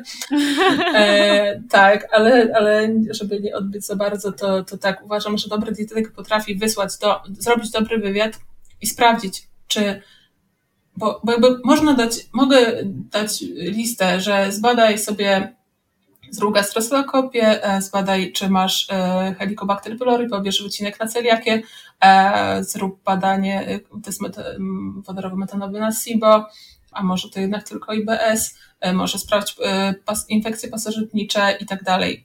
Natomiast bez sensu, bo jakby wydamy na to dużo kasy, jeśli nie, nie zrobimy tego na NFZ, więc dietetyk potrafi zestawić te objawy i po prostu wybrać tą ścieżkę działania, która powinna mieć miejsce na początku. E, oczywiście pewnie są lekarze, e, którzy to robią, ale ja osobiście znam też taką jedną osobę. I, I, nie wiem, może ktoś coś gdzieś w komentarzach jakiś na YouTubie coś podsunie, ale ja osobiście mam takie, takie zdanie i też wiem, że, że kilka osób ma podobne do mnie, bo tutaj jest bardzo ważna w tej dietoterapii problemów układu pokarmowego, znaczy w terapii generalnie, jest potrzebny tak naprawdę zespół, bo jest potrzebny dietetyk, jest potrzebny dobry lekarz, który tak zinterpretuje dobrze test, na przykład SIBO. Jest potrzebny często e, fizjoterapeuta, osteopata, bo tutaj bardzo dużo pracą e, taką, mm, to jest masaż visceralny, można bardzo dużo e, osiągnąć i bardzo ulżyć, ulżyć w problemach. Bardzo jest fajnie mieć, wiesz, jeszcze najlepiej chodzić na jakąś jogę, bo ja mam tak przynajmniej, że jak gdzieś chodzę, to mi się bardziej chce, a jak w domu, to tak średnio. A są nawet badania w, kont w kontekście IBS-u bodajże, że e, regularna praktyka jogi działała tak jak dieta low FODMAP stosowana wow. w IBS-ie czy pod koniec leczenia SIBO, tak. Więc y, podobnie jeśli chodzi o na przykład reflux, problemy bardziej już górnego e, odcinka przewodu pokarmowego. E, są też badania, że jest taki opis przypadku, gdzie pacjent miał po prostu ileś kuracji tymi lekami IPP, które zobojętniają nam kwas, e, żołądku, kwas solny w żołądku i on po prostu przeszedł tyle tych kuracji, a to nie jest bez jakby bardzo, bardzo to wpływa na nasze potem jelita -hmm. i tak dalej. To, że mamy inną niż potrzebną, jakby inny pH w żołądku. E, i też ćwiczenia oddechowe w ilości tam bodajże 10 minut dziennie e, powodowały taką poprawę jak te leki, więc bardzo tego nie doceniamy, bo wiadomo, jak już się tak źle czujemy, to nam się też nie chce, to jakby e, wiem sama po sobie, ale osobiście naprawdę nie podejdę do kolejnego leczenia, zanim teraz sobie powoli wróciłam do, do asztangi i będę się zapisywać do szkoły jogi, zanim mój moje spanie i mój ruch nie będą na takim poziomie, e, jaki wiem, że mi sprzyja, to nie będę się brała drugi raz za, bo wiadomo, w SIBO, czy nie wiadomo, w SIBO jest tak, że czasami te rundy leczenia są potrzebne kolejne i niestety zadbanie o głowę jest tutaj kluczowe e, dla powodzenia leczenia. Mm, inaczej to tak będzie się ciągnąć i ciągnąć. Czyli co? Czyli trzeba znaleźć dobrego dietetyka, który ogarnia problemy przewodu pokarmowego i wie, jak leczyć e, drażliwe jelito i lub SIBO i inne kwestie.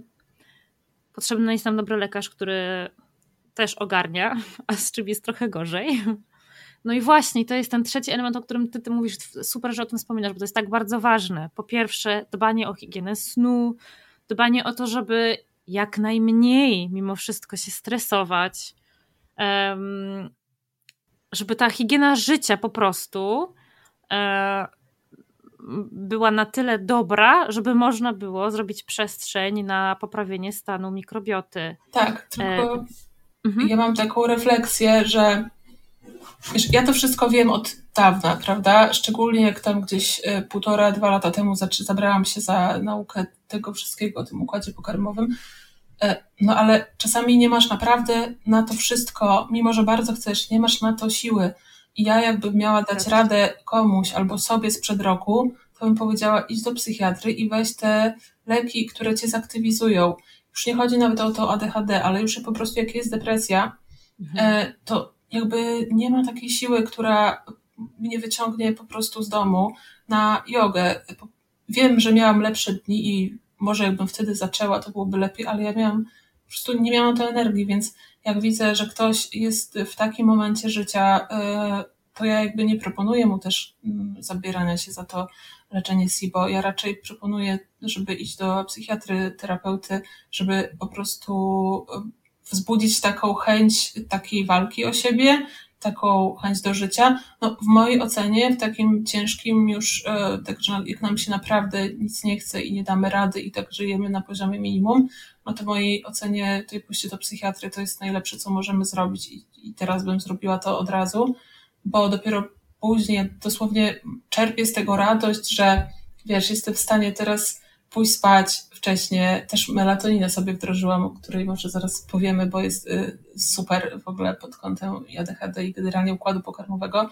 E, mam z tego radość, że dbam o siebie. Jakby dawno mhm. nie miałam, nie czułam tego, że po prostu jesteśmy, jestem e, wyspana, że wstaję i mi się chce zrobić tą jogę, a jak miałam coś tam z rana i nie zrobiłam, to wróciłam do domu i po prostu czułam w sobie taką chęć, to, to jest dla mnie niesamowite, bo ja po prostu ciągle miałam wyrzuty sumienia, że nie dbam o siebie, nie robię znowu tej jogi, a przecież chcę, no to zmuszałam się do tych spacerów, ale te spacery to też było takie ciąganie nóg i jeszcze w tym w smogu całym i w ogóle nie miałam z tego żadnej przyjemności e, i, i, i po prostu to jest takie, niby chcesz być dla siebie dobrym, gdzieś tam z tyłu mhm. głowy masz to, ale na takim poziomie tak bezpośrednio to jednak sobie zarzucasz, że kurczę, nie robię tego i tamtego, ale no tak naprawdę nie dam rady. I dopiero jak się już e, w święta, wiesz, spłakałam mamie w rękaw e, i powiedziałam, że ja naprawdę nie dam rady, to, to po prostu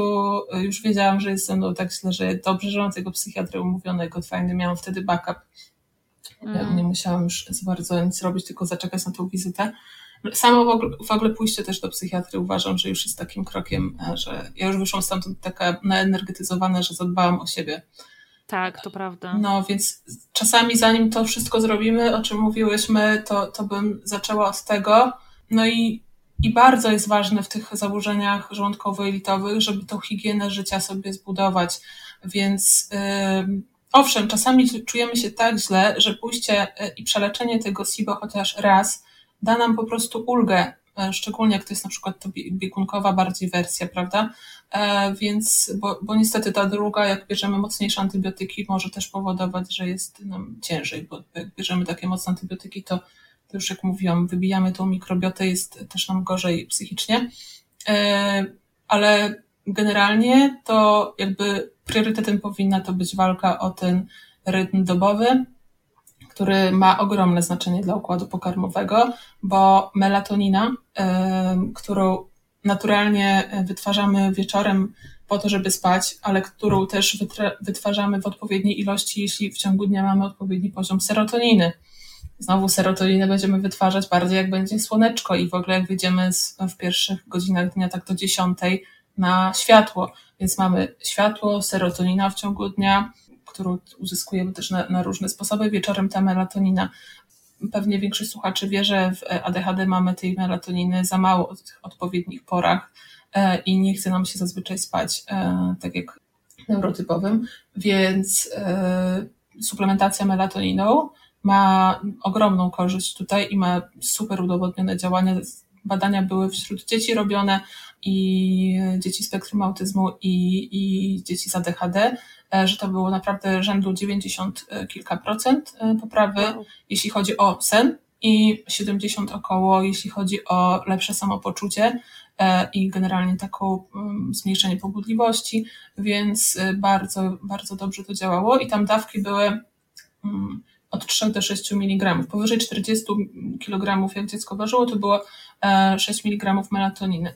Ja osobiście polecam zaczynać od jednego do trzech e, i brać, to jest najważniejsze, bo jakby e, ja podejście do melatoniny miałam w swoim życiu ileś, jeszcze zanim wiedziałam, co to jest ADHD u, do, dorosłych i po prostu poszłam do apteki, wzięłam sobie z apteki 5 mg melatoniny, bo pani mi tak udała.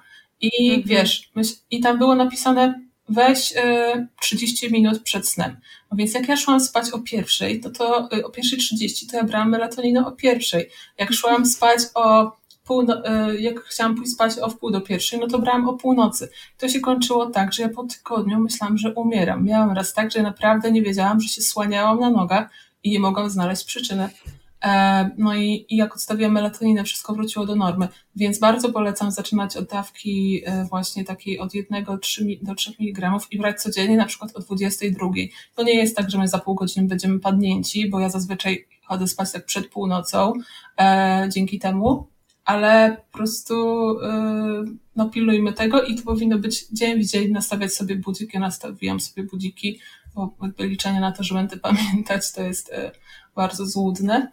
E, I jakby uważam, że największą zmianą dla mnie po tym epizodzie depresyjnym jest to, że wdrożyłam e, na początku leki nasenne, potem zamieniłam je na melatoninę powoli e, i że to, że śpię dobrze, to jest jakby wow. Wczoraj miałam pierwszą noc z piątku na sobotę tak słabo przespaną, bo tutaj mam taką niegrzeczną psinkę pod opieką i trochę mi wyrwała palca ze smyczą. Generalnie miałam ból palca w nocy, i po prostu jedną noc nie przespałam i wczoraj nie byłam w stanie za bardzo się skupić miło Medikinetu e, i, i tutaj więcej jakoś doczytać do, do naszego podcastu. E, I rzeczywiście myślę sobie, kurczę, ja tak żyłam cały czas w takim niedospaniu. To jakby dla mnie jest wow, nie? Ja teraz mam taki weekend właśnie niedospany i czuję to. Czuję naprawdę, wystarczy jedna, dwie takie noce i już to nie jest to samo. No, a ja mam wrażenie, że naprawdę trzy czwarte życia tak wyglądało. Na pewno całe studia. Wow. Nie. Ale z drugiej strony naprawdę, no jak, jak iść spać, jak ci się nie chce. Ja po prostu moja godzina takiego padnięcia, bo ja jakby mogłam spać dopiero jak, jak padam, to, to była bardziej tak pierwsza pół do drugiej. Więc nie da się tak funkcjonować, jak masz na, nawet na dziesiątą, jak miałam zajęcia na studiach, to i tak było za mało snu, jak musiałam stać o ósmej, nie?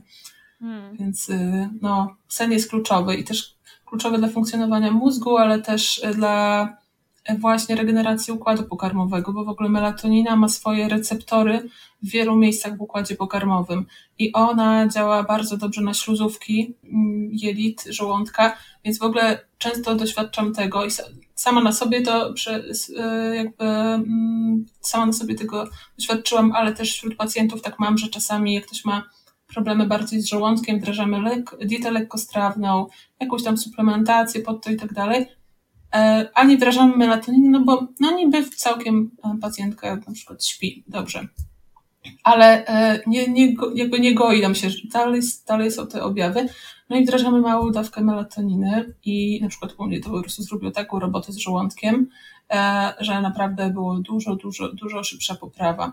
E, no bo też jest tak, że jak masz SIBO czy jakieś problemy z jelitem, to, a, a z żołądkiem również, to zaczynasz zawsze od góry, bo inaczej nie ma sensu. Więc czasami ta melatonina właśnie była takim brakującym elementem, i ona jest naprawdę niesamowita. I pod kątem też założeń miesiączkowania, e, bo jest też silnie antyoksydacyjna, e, jest naprawdę e, super. Więc tak polecam się zastanowić, czy, czy według nas dobrze na pewno funkcjonujemy, czy o tej około 23 chce nam się spać. Jak nie, to może tą małą dawkę spróbować wdrożyć. No i wtedy ja się aż też tak bardzo nie stresuję tym, że nie wiem, patrzę w ekrany na przykład, bo jakby naprawdę nie jestem aż taka, dalej mam problem z czytaniem książek, i jakby czasami te ekrany i tak są wieczorem, i tak czasami czegoś słucham, ale czasami oglądam. Co prawda mam jakieś tam okulary blokujące, ale aż tak się nie spinam, no bo jak już wziąłem tą melatoninę, to wiem, że mi tam jej nie zabraknie raczej i, mhm. e, i po prostu nie jest to takie stresujące też ten w ogóle cały rytuał snu. A jest jakieś ryzyko związane z suplementacją melatoniny? Coś może się dziać niedobrego? Jakieś działania niepożądane? Raczej, Czy... raczej takie, że jak stwierdzimy, że a, biorę od razu wyższą dawkę, bo ja tak zawsze mam, że jestem wysoka i ja pewnie powinnam więcej, e, no to może być tak, że po prostu będzie ta senność nadmierna następnego dnia i ogólnie takie jeszcze większe takie osłabienie i takie, że nam się nie chce, e, ale no to raczej tyle, więc dlatego tak istotne jest, żeby brać to o takich godzinach, bo też często jak mamy na przykład, nie wiem, czy lekką niedoczynność tarczycy, czy cokolwiek, że tam pasaż e, po prostu żołądkowo-jelitowy jest taki spowolniony, motoryka jest spowolniona, no to też trochę dłużej to się będzie wchłaniać niż mm, na przykład pół godziny, więc e, polecam po prostu brać o takich porach, no bo też takie fizjologiczne e, wydzielanie jest, no, no, no nie, nie powinniśmy brać jej o pierwszej w nocy, e, więc to jest istotne, a jak zaczniemy od jednego miligrama, to tutaj raczej nie powinno się nic dziać. Okej, okay. czyli to jest bezpieczne? Nie trzeba tego konsultować z lekarzem, dietetykiem? To znaczy, melatonina jest dostępna bez recepty, jest w formie leku dostępna też w aptekach, aczkolwiek oczywiście zawsze jak, jak chcecie, to warto skonsultować. Natomiast no, wydaje mi się, że mało kto to, kto to robi. E, I tyle, po prostu polecam zacząć od malutkiej dawki. Jeśli mamy problemy z zasypianiem o takich e, porach normalnych, to, mm, to polecam. Okej. Okay. A jeszcze chcę Cię zapytać o bardzo taką ciekawą rzecz, o której ja naprawdę nie wiedziałam. No, znaczy, może gdzieś tam ten temat się przewinął w czasie mojej konsultacji z moją dietetyczką prowadzącą moje mhm. leczenie SIBO, ale oczywiście jednym uchem wleciało, drugim wyleciało. Natomiast aktywność fizyczna, bo powiedziałaś o jodze, powiedziałaś o tym, że yoga może działać, może mieć pozytywny wpływ na, na leczenie um, albo na wspomaganie leczenia tych kwestii um, żołądkowo-jelitowych, ale już niekoniecznie bieganie. A, to tak, to, to, to z Tobą rozmawiałam o tym rzeczywiście. Yy, tak bardzo istotne jest to, żeby, bo jakby yy, stres w ogóle e, kojarzy nam się z tym, że my się denerwujemy, prawda? A stresem dla naszego organizmu może być niedożywienie, może być nadmierna aktywność fizyczna. Yy, przypominam też, że niedożywienie nie wiąże się z tym, że jesteśmy, mamy za niską masę ciała. Niedożywiony może być każdy o każdej masie ciała. Jeśli chodzi jeszcze o a, o stres. Więc też tych czynników stresogennych może być dużo. Może to być e, też to, że mamy, nie wiem, zaburzony rytm dobowy i tak dalej. Więc e, ta e, aktywność fizyczna, która jest tak duża, jeśli, jeśli biegamy, no myślę tak, że już te 10 kilometrów to jest na pewno sporo, to niestety nie sprzyja to temu, żeby ten układ pokarmowy się regenerował. No generalnie jest tak, że osoby, które czy wyczynowo, czy amatorsko, ale jednak tak E, czy, czy zawodowo, czy amatorsko, ale jednak tak w dużej częstotliwości uprawiają różne sporty, e, biegają maratony, półmaratony, e, czy mają takie, no, takie intensywne życie sportowe, no, nie wyjdą z tych problemów, e, jeśli e, ten układ pokarmowy nie będzie ogarnięty. I tutaj raczej, jeśli chodzi o aktywność fizyczną, to jest, to jest są polecane. Jak bieg to taki delikatny, ale myślę, że do 5 km maksymalnie, natomiast w zależności od objawów i od fazy leczenia, bo, bo to zależy tak naprawdę, e, ale najbezpieczniejsze będą tutaj takie rzeczy związane z oddechem jak yoga, na pewno też spacery, trening y, taki z obciążeniem na siłowni też jest ok, tylko też, żeby to nie było tak, że codziennie chodzimy i robimy po prostu full body workout, tylko po prostu, żeby to było tak rozłożone w czasie. No więc, y, więc tak, nadmierna aktywność fizyczna jest zdecydowanie stresorem i trzeba, trzeba na to uważać, bo układ pokarmowy nie będzie się regenerował. Tym bardziej jak myślę, że mamy tendencję do tego, że jak się źle czujemy, czy psychicznie, czy właśnie fizycznie, to jak pójdziemy pobiegać, czy coś tam zrobić bardzo takiego męczącego i mamy te endorfiny, które nam się wydzielają, to nam się mhm. wydaje, że w sumie jest z nami dobrze. No przebiegłam 10 kilometrów, no to przecież co mi jest. E, ale tak naprawdę no, nie regenerujemy się zbyt dobrze, e, a już najgorzej jak się na przykład nie wyśpimy, ale idziemy, bo przecież rozpiska w treningu, e, rozpiska treningowa jest i trzeba, trzeba po prostu. No, Winna. No właśnie.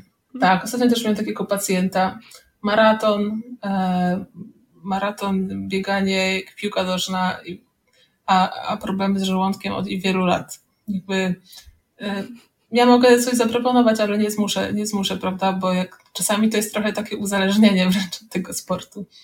Więc e, no niestety. Ale generalnie aktywność fizyczna jest e, taka bardzo pożądana w tym całym leczeniu, dlatego też uważam, że jeśli jesteśmy w takim na przykład epizodzie depresyjnym, nie jesteśmy w stanie za bardzo e, nic robić, to warto się zaktywizować e, na przykład z pomocą psychiatry, bo, bo rzeczywiście aktywność fizyczna w takim leczeniu jelit ma ogromne znaczenie i na przykład kwas mlekowy, który tam jest wydzielany, gdy tam mamy tą bolesność mięśni, prawda, w, w cudzysłowie zakwasy, to, to on jest też taki potrzebny dla tych dobrych bakterii komensalnych w jelitach. Jest, jest jakby wykorzystywany przez nie, e, ale też aktywność fizyczna jest, e, poprawia po prostu motorykę układu pokarmowego i nie jest tylko tak, że jak mamy zaparcia, to trzeba e, się ruszyć, tylko czy mamy zaparcia, czy biegunki, no to aktywność fizyczna też będzie nas po prostu relaksować, więc ten, ten układ, który ma nas tak wyciszać,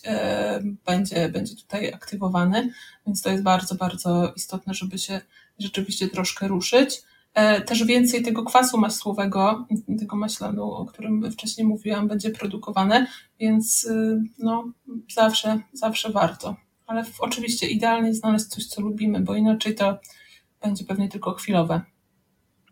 No tak, zwłaszcza w naszym przypadku. Wiadomo jak jest. Dokładnie, dokładnie. Ja w ogóle mam za sobą tyle różnych sportów, czego ja nie ćwiczyłam. Kurczę, po prostu a co zostało z tobą najdłużej, poza jogą, którą nadal, jak słyszę, uprawiasz? Do której zawsze wracam. No to yoga. E, nie, no bo tak wiesz, kiedyś siatkówka w szkole e, łącznie z piłką ręczną, bo moja mama chciała, żebym ją trenowała, a ja tak poszłam, okej, okay. łącznie z karate, więc miałam tak 8 treningów w ciągu 7 dni tygodnia, e, aż mi nie padły kolana, potem było wow. znowu jakieś kolejne karate na studiach, później Animal Flow bardzo mi się podobało, nie wiem czy wiesz co to jest, ale Animal Flow... Takiego? Animal Flow jest takie, że w zasadzie wszystko robisz na czworaka, e, jesteś ciągle, no jest to inspirowane tak ruchami zwierząt, Bar, e, czy trochę jest podobny do jogi, ale też jest bardzo dynamiczny, super e, w ogóle jest dla głowy, bo jesteś, są nawet jakieś badania na to, że jesteśmy w takiej pozycji na czworaka jak dziecko trochę, tylko że tam odrywamy kolana od ziemi w tym Animal Flow, to coś, nie pamiętam, coś tam się dzieje z głową, jakieś połączenia w ogóle się odnawiają. Chyba i rzeczywiście to, to super działa, więc e, tutaj yoga Animal Flow bardzo mi były bliskie i pewnie do obu będę chciała cały czas wracać. No i w sezonie rower, tylko znowu ten rower to jest tak, że jeżdżę, jeżdżę, potem nie jeżdżę. Raz musiałam się zaprzeć, e, żeby się przygotować do wyjazdu, który gdzieś tam mieliśmy ze znajomymi ustalony na 3-4 dni, tam na tych właśnie 300 czy 400 kilometrów łącznie, e, żeby się do niego przygotować i żeby mi się chciało, musiałam powiedzieć ludziom na Instagramie, że jak nie zrobię ileś tam kilometrów w tygodniu i nie udokumentuję tego na Instagramie, to wpłacam ileś tam na Ordo Luris. E, I to oni zaproponowali w zasadzie e, prawie jednogłośnie, więc uwielbiam moich obserwatorów i, i rzeczywiście wszystkie treningi odhaczone i w ogóle byłam przygotowana do wyjazdu.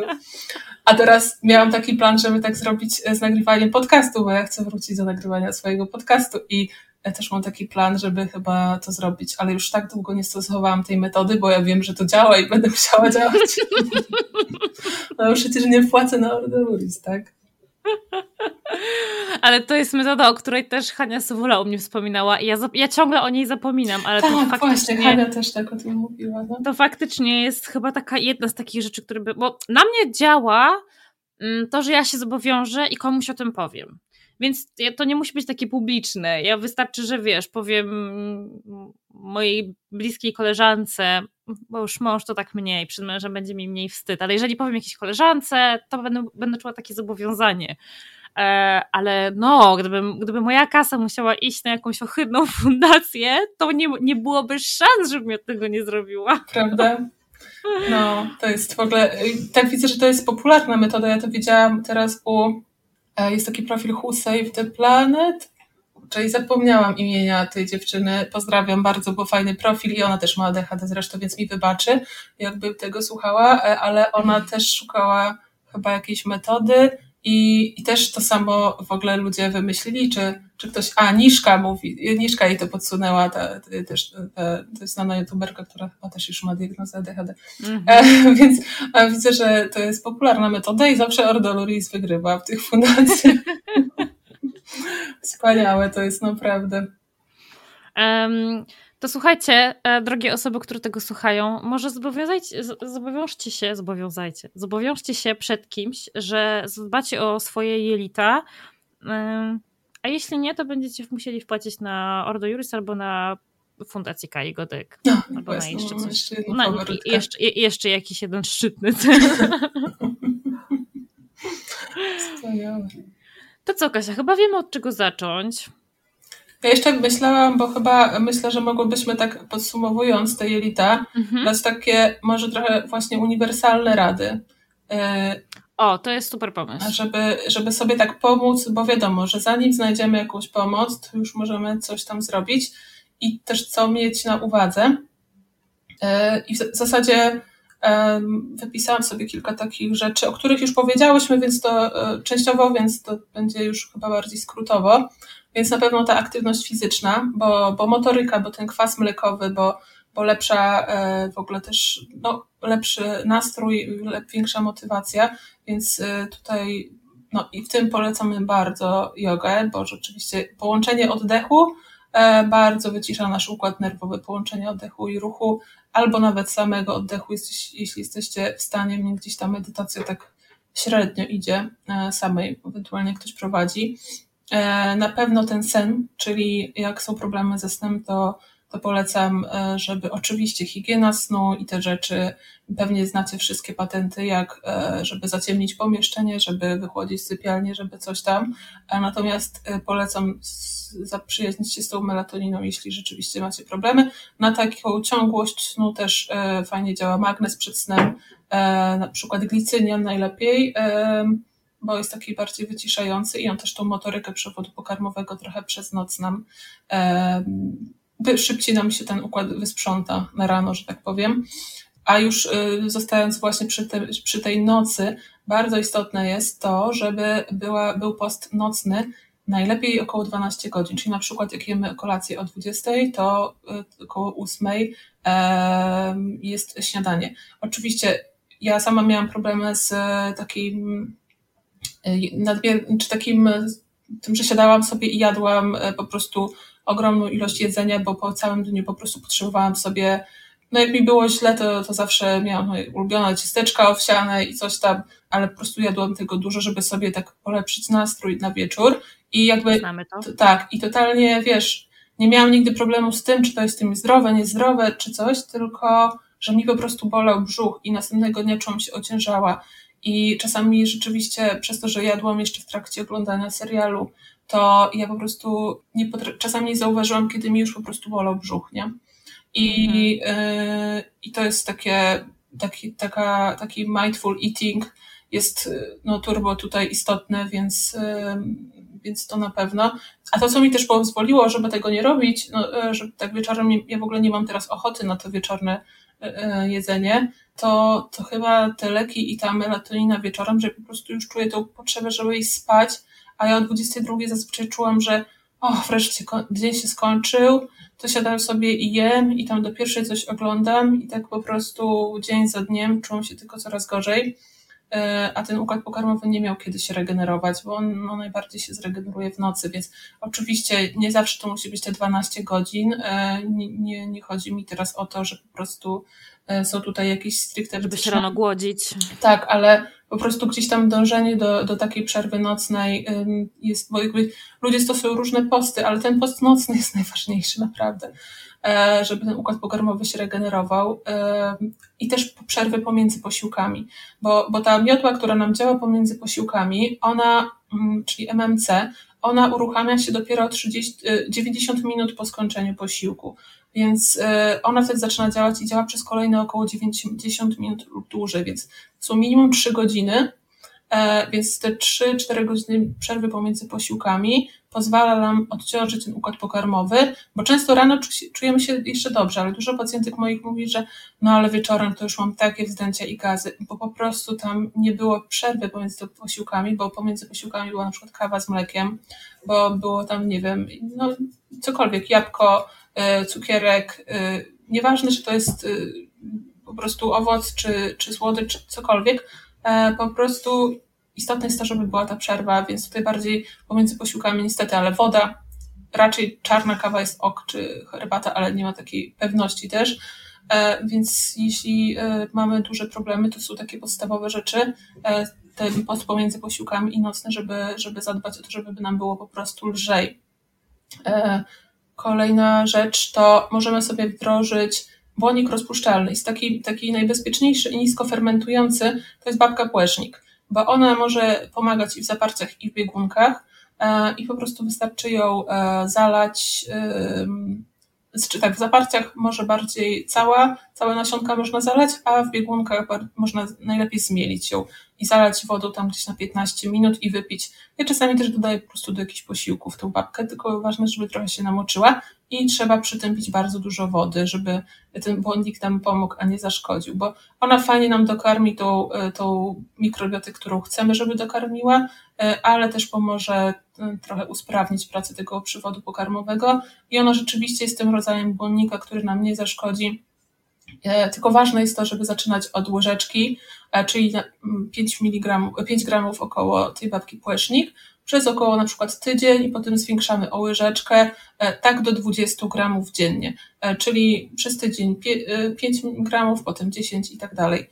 Bo jak zrzucimy się od razu na większą ilość, to może to, to, to się skończyć gorzej niż lepiej. No i też fajnie ona może zadziałać, tylko nie bierzcie tego z żadnymi lekami, czy na przykład, nie wiem, żelazem, cynkiem, bo, bo zmniejszy wchłanianie leków, bo to jest płonnik jednak, mm, ale przed jakimś posiłkiem na przykład, który ma, nie wiem, skacze wam, kolokwialnie mówiąc, cukier po takim posiłku, no to ten błonnik przed takim posiłkiem trochę zniweluje też to, to samopoczucie, bo gdzieś tam um, też istotne w ADHD jest to, żeby dbać o to, żeby te posiłki miały dużo białka, żeby nam też tak e, glukoza we krwi nie skakała, bo od tego też rzeczywiście to samopoczucie nam się może pogarszać. E, kolejną taką rzeczą totalnie bezpieczną jest ten maślan sodu, e, o którym e, mówiłyśmy.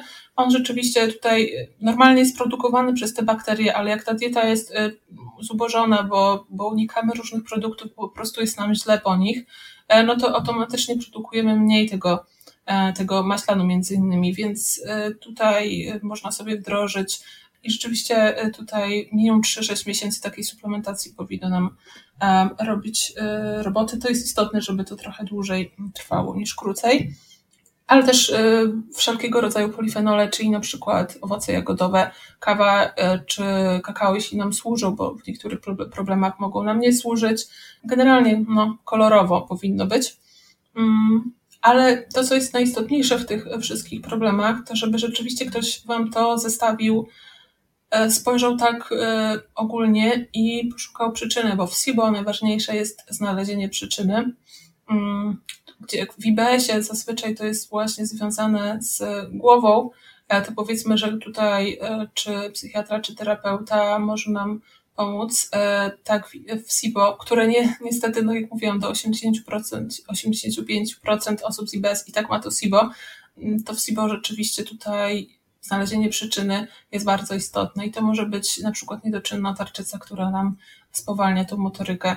To może być yy, jakieś wahania glikemii, różnego rodzaju zaburzenia hormonalne, yy, więc tutaj rzeczywiście to jest najistotniejsze, żeby znaleźć tą przyczynę.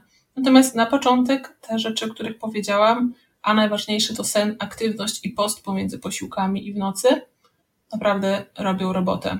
Ale sama wiem i nie pomaga mi to, uwierzcie, że jestem dietetyczką, e, jest ciężko. Ciężko jest nie sięgać po telefon, jak jesz, ciężko jest nie oglądać e, nic wieczorkiem, jak jesz. E, tak. To, co wtedy można zrobić, to jak jest nam bardzo, bardzo źle, to upłynniać posiłki, miksować, bardzo dobrze gryźć, bo jak gryziemy dużo, na przykład 20-30 razy, to ten MMC, to ta, to ta faza głowowa trawienia, taka pierwsza, najważniejsza, będzie nam jednak się uruchamiać, mimo że gdzieś tam będziemy się na coś gapić. Więc im bardziej będziemy dawać znać, że jemy, czyli wąchamy, e, gryziemy, e, przygotowujemy jedzenie, tym lepiej to wszystko będzie działać. No niestety najgorzej, jak robimy to wszystko w biegu i myślę, że to wszyscy wiedzą, że nałapiemy się powietrza, potem mamy ból, mm, albo nie jemy ileś godzin, potem jemy dużo, to myślę, że są oczywiste rzeczy, nie? Ja myślę, że u nas to jest ten problem. My często nie potrafimy czytać sygnałów płynących z naszego ciała, nie wiemy, że jesteśmy głodni do ostatniego momentu, kiedy już jest za późno, wtedy rzucamy się na jedzenie, jedniemy szybko, nie gryziemy wystarczająco y, dobrze, wiesz, no Tak. Sam, sama znasz ten problem na pewno. W kontekście ADHD to jest na pewno to, że e, jeśli zadbamy o ten układ pokarmowy, jeśli będziemy mm, odpowiednio przyswajać to nieszczęsne żelazo, bo chyba o tym w końcu nie powiedziałyśmy, ale mamy takie dane, że rzeczywiście no, to była korelacja, ale poziom ferrytyny, czyli zapasów żelaza we krwi, korelował e, z poziomem nieuwagi, nadpobudliwości, impulsywności. I e, wraz ze wzrostem, wzrostem stężenia ferrytyny we krwi zmniejszało się nasilenie objawów ADHD.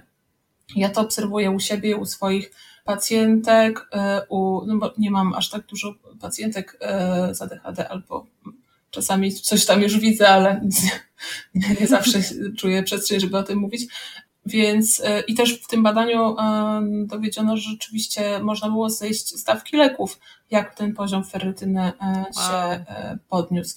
Więc bardzo, bardzo warto o to zadbać. A ja tak zwyczajnie, tak naocznie, empirycznie patrzę na dziewczyny z ADHD, które znam w internecie, obserwuję.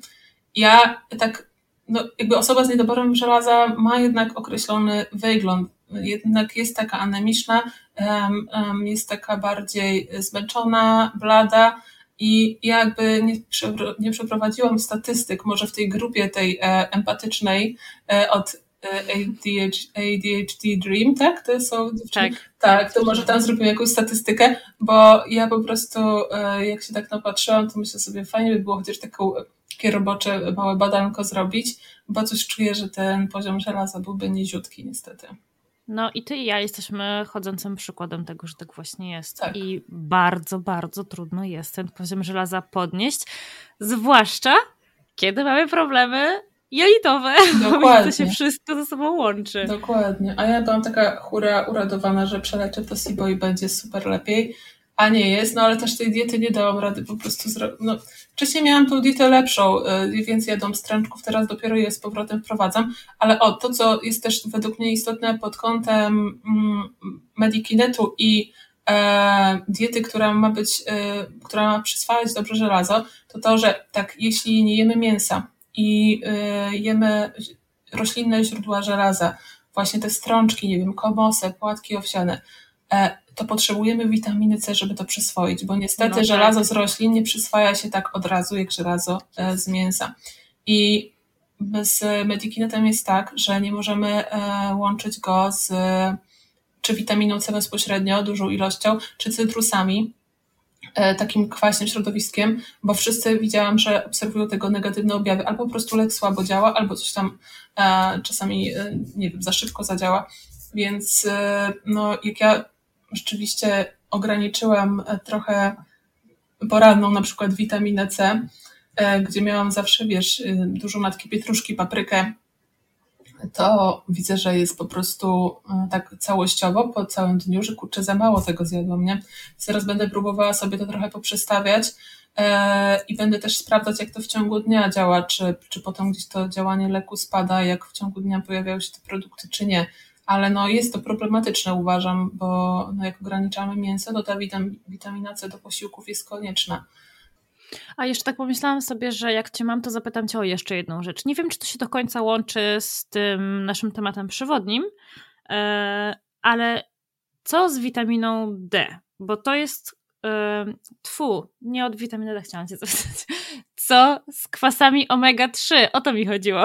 A, dobrze powiedziałaś. Ja dzisiaj myślałam, że musimy też o tym.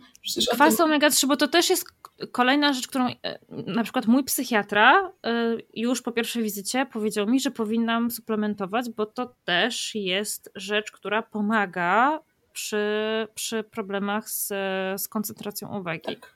I też to powiedzieć. A jak to się ma do i do wegański, wegańskich źródeł e, e, kwasów omega-3 i do tych właśnie kwestii jelitowych w ogóle. E, to czy kwas omega-3, może tak od ogółu zaczynając, kwas omega-3 e, znajdziemy tak w produktach takich jak tłuste ryby, albo właśnie algi, olej z alg, czyli suplementy się robi z tego oleju z alg, ale jakby te kwasy omega-3 biorą się w rybach z tego, że te ryby jedzą te algi, więc taka i tak jest droga. Natomiast e, w e, olejach wegańskich omega-3 mamy więcej DHA, a mniej EPA. I generalnie oczywiście DHA jest super pod wieloma względami, jest potrzebne, natomiast badania pokazują i zalecenia któregoś tam towarzystwa psychiatrycznego, nie wiem, chyba amerykańskiego. Jest u mnie o tym post na Instagramie, więc znajdziecie to nie aż tak dawno było, pokazują, że rzeczywiście tutaj powinno być powyżej 60, około 60% tego EPA, więc najlepiej, żeby to było około 1-2 gramy minimum łącznie tych omega-3, w tym 60% EPA. I niestety ja nie znam wegańskich omega-3, które miałyby taki skład, zawsze jest więcej DHA. I niestety te, te rybne mają więcej EPA. E no jedyna moja rada, jeśli to zależy kto ma jaką powiedzmy wrażliwość i do czego, co w stanie jest zmienić. Ja, ja gdzieś tam z tej diety wegańskiej trochę zeszłam i też dla swojego zdrowia coraz więcej zmian dokonuję. I, i te omega-3 mm, gdzieś tam dostałam teraz od tej firmy, z którą współpracuję wegańskiej, ale też dostałam rybne i ja te rybne będę pić, bo po prostu e, wiem, że one są przynajmniej, jeśli komuś na tym zależy, są z takich, mają te certyfikaty, jeśli chcemy, żeby były lepszej jakości i lepsze dla zwierząt. No, oczywiście wiem, że każdy ma inne pojęcie tego, ale mogą, mogą, może być firma, która nie ma certyfikatów IFOS, e, Friends of the Sea, e, która po prostu um, przyczynia się do tego, że te oceany są, e, wiesz, zubożone, e, te gatunki ryb, e, a są takie firmy, które robią to w miarę neutralnie, tak e, dla, dla środowiska, oczywiście gorzej dla zwierząt, ale pod tym kątem, chociaż są rozliczone, są droższe te preparaty, ale kilka takich firm mamy dostępnych i jeśli ktoś może sobie pozwolić, to oczywiście wtedy, wtedy można coś takiego zrobić. No niestety wegańskich nie znalazłam, mi się wydaje, że jest to z jakichś powodów po prostu technologicznych może niemożliwe, nie wiem. Może jeszcze, może jeszcze porozmawiam z tymi moimi ekspertami od tych omega-3, ale mm, ja nie znalazłam nic takiego na rynku. E, no więc też należy pamiętać, że te dawki muszą być trochę wyższe niż na przykład, bo część suplementów jest taka typu 250, 500, to jest trochę za mało.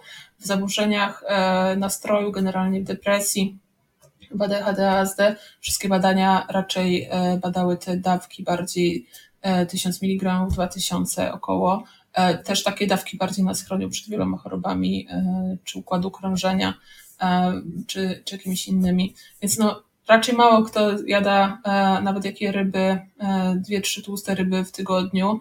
Te ryby też raczej nie są karmione tymi algami, tylko jakąś mączką, więc no, jakby ode mnie mało kto, znaczy no nikt ode mnie nie wychodzi z, bez zaleceń na te kwasy omega-3 bo no, ciężko bez tego. One są silnie przeciwzapalne, budują nam mózg, e, poprawiają funkcje poznawcze, chronią przed chorobami neurodegradacyjnymi, więc naprawdę warto, no, warto akurat e, to suplementować. Wraz z witaminą D oczywiście. A to się jakoś ma do tych kwestii jelitowych, o których mówiłyśmy wcześniej? E, kwasy omega-3, no one działają bardzo przeciwzapalnie, więc one tutaj będą tą mikrobiotę dobrą nam bardzo wspierać. Tutaj jest, y, są badania, które pokazują, że powodzenie leczenia było lepsze, więc y, no, zdecydowanie y, one są takie, mm, mają takie działanie mm, pleiotropowe, dosłownie na wszystko, bo i na insulinowrażliwość działają, i na, i na mózg, i na jelita, więc tutaj można o każdym aspekcie funkcjonowania praktycznie mówić w kontekście omega-3. Super. A, tak patrzę, że co, chyba powiedziałyśmy to, co najważniejsze. Oczywiście tematu nie wyczerpałyśmy, bo mogłybyśmy tutaj rozmawiać przez kilka tygodni równie dobrze. Um, ale dziękuję Ci bardzo, że przyszłaś o tym wszystkim opowiedzieć, bo temat jest ważny, a mam wrażenie, że nadal jakoś mało się o tym mówi, a szczególnie ważny w naszym, w naszym gronie neuroatypowym w związku z tym, co wcześniej powiedziałyśmy.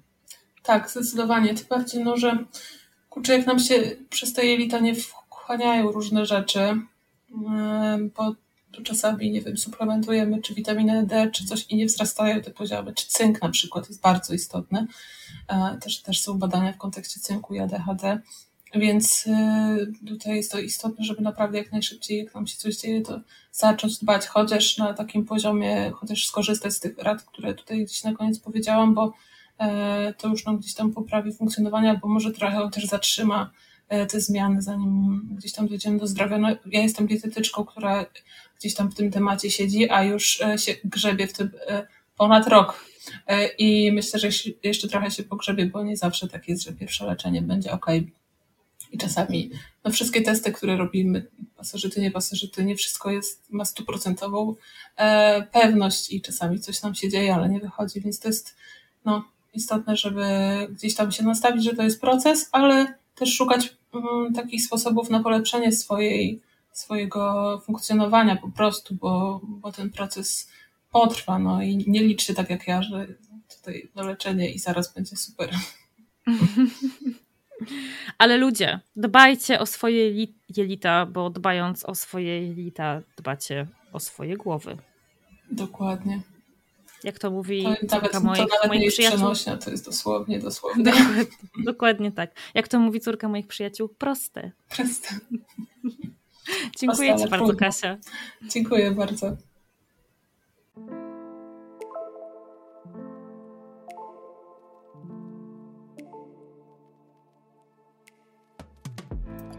Wielkie dzięki za wysłuchanie tego odcinka. I oczywiście Spotify, YouTube czy TikTok nie powinny być wyznacznikami diagnozy. Ale jeśli to, o czym tutaj rozmawiałyśmy, brzmi dla ciebie podejrzanie znajomo, to mam nadzieję, że zaopiekujesz się sobą i wykonasz pierwszy krok w kierunku pójścia po pomoc, bo każda z nas na to zasługuje. Do usłyszenia w kolejnym odcinku.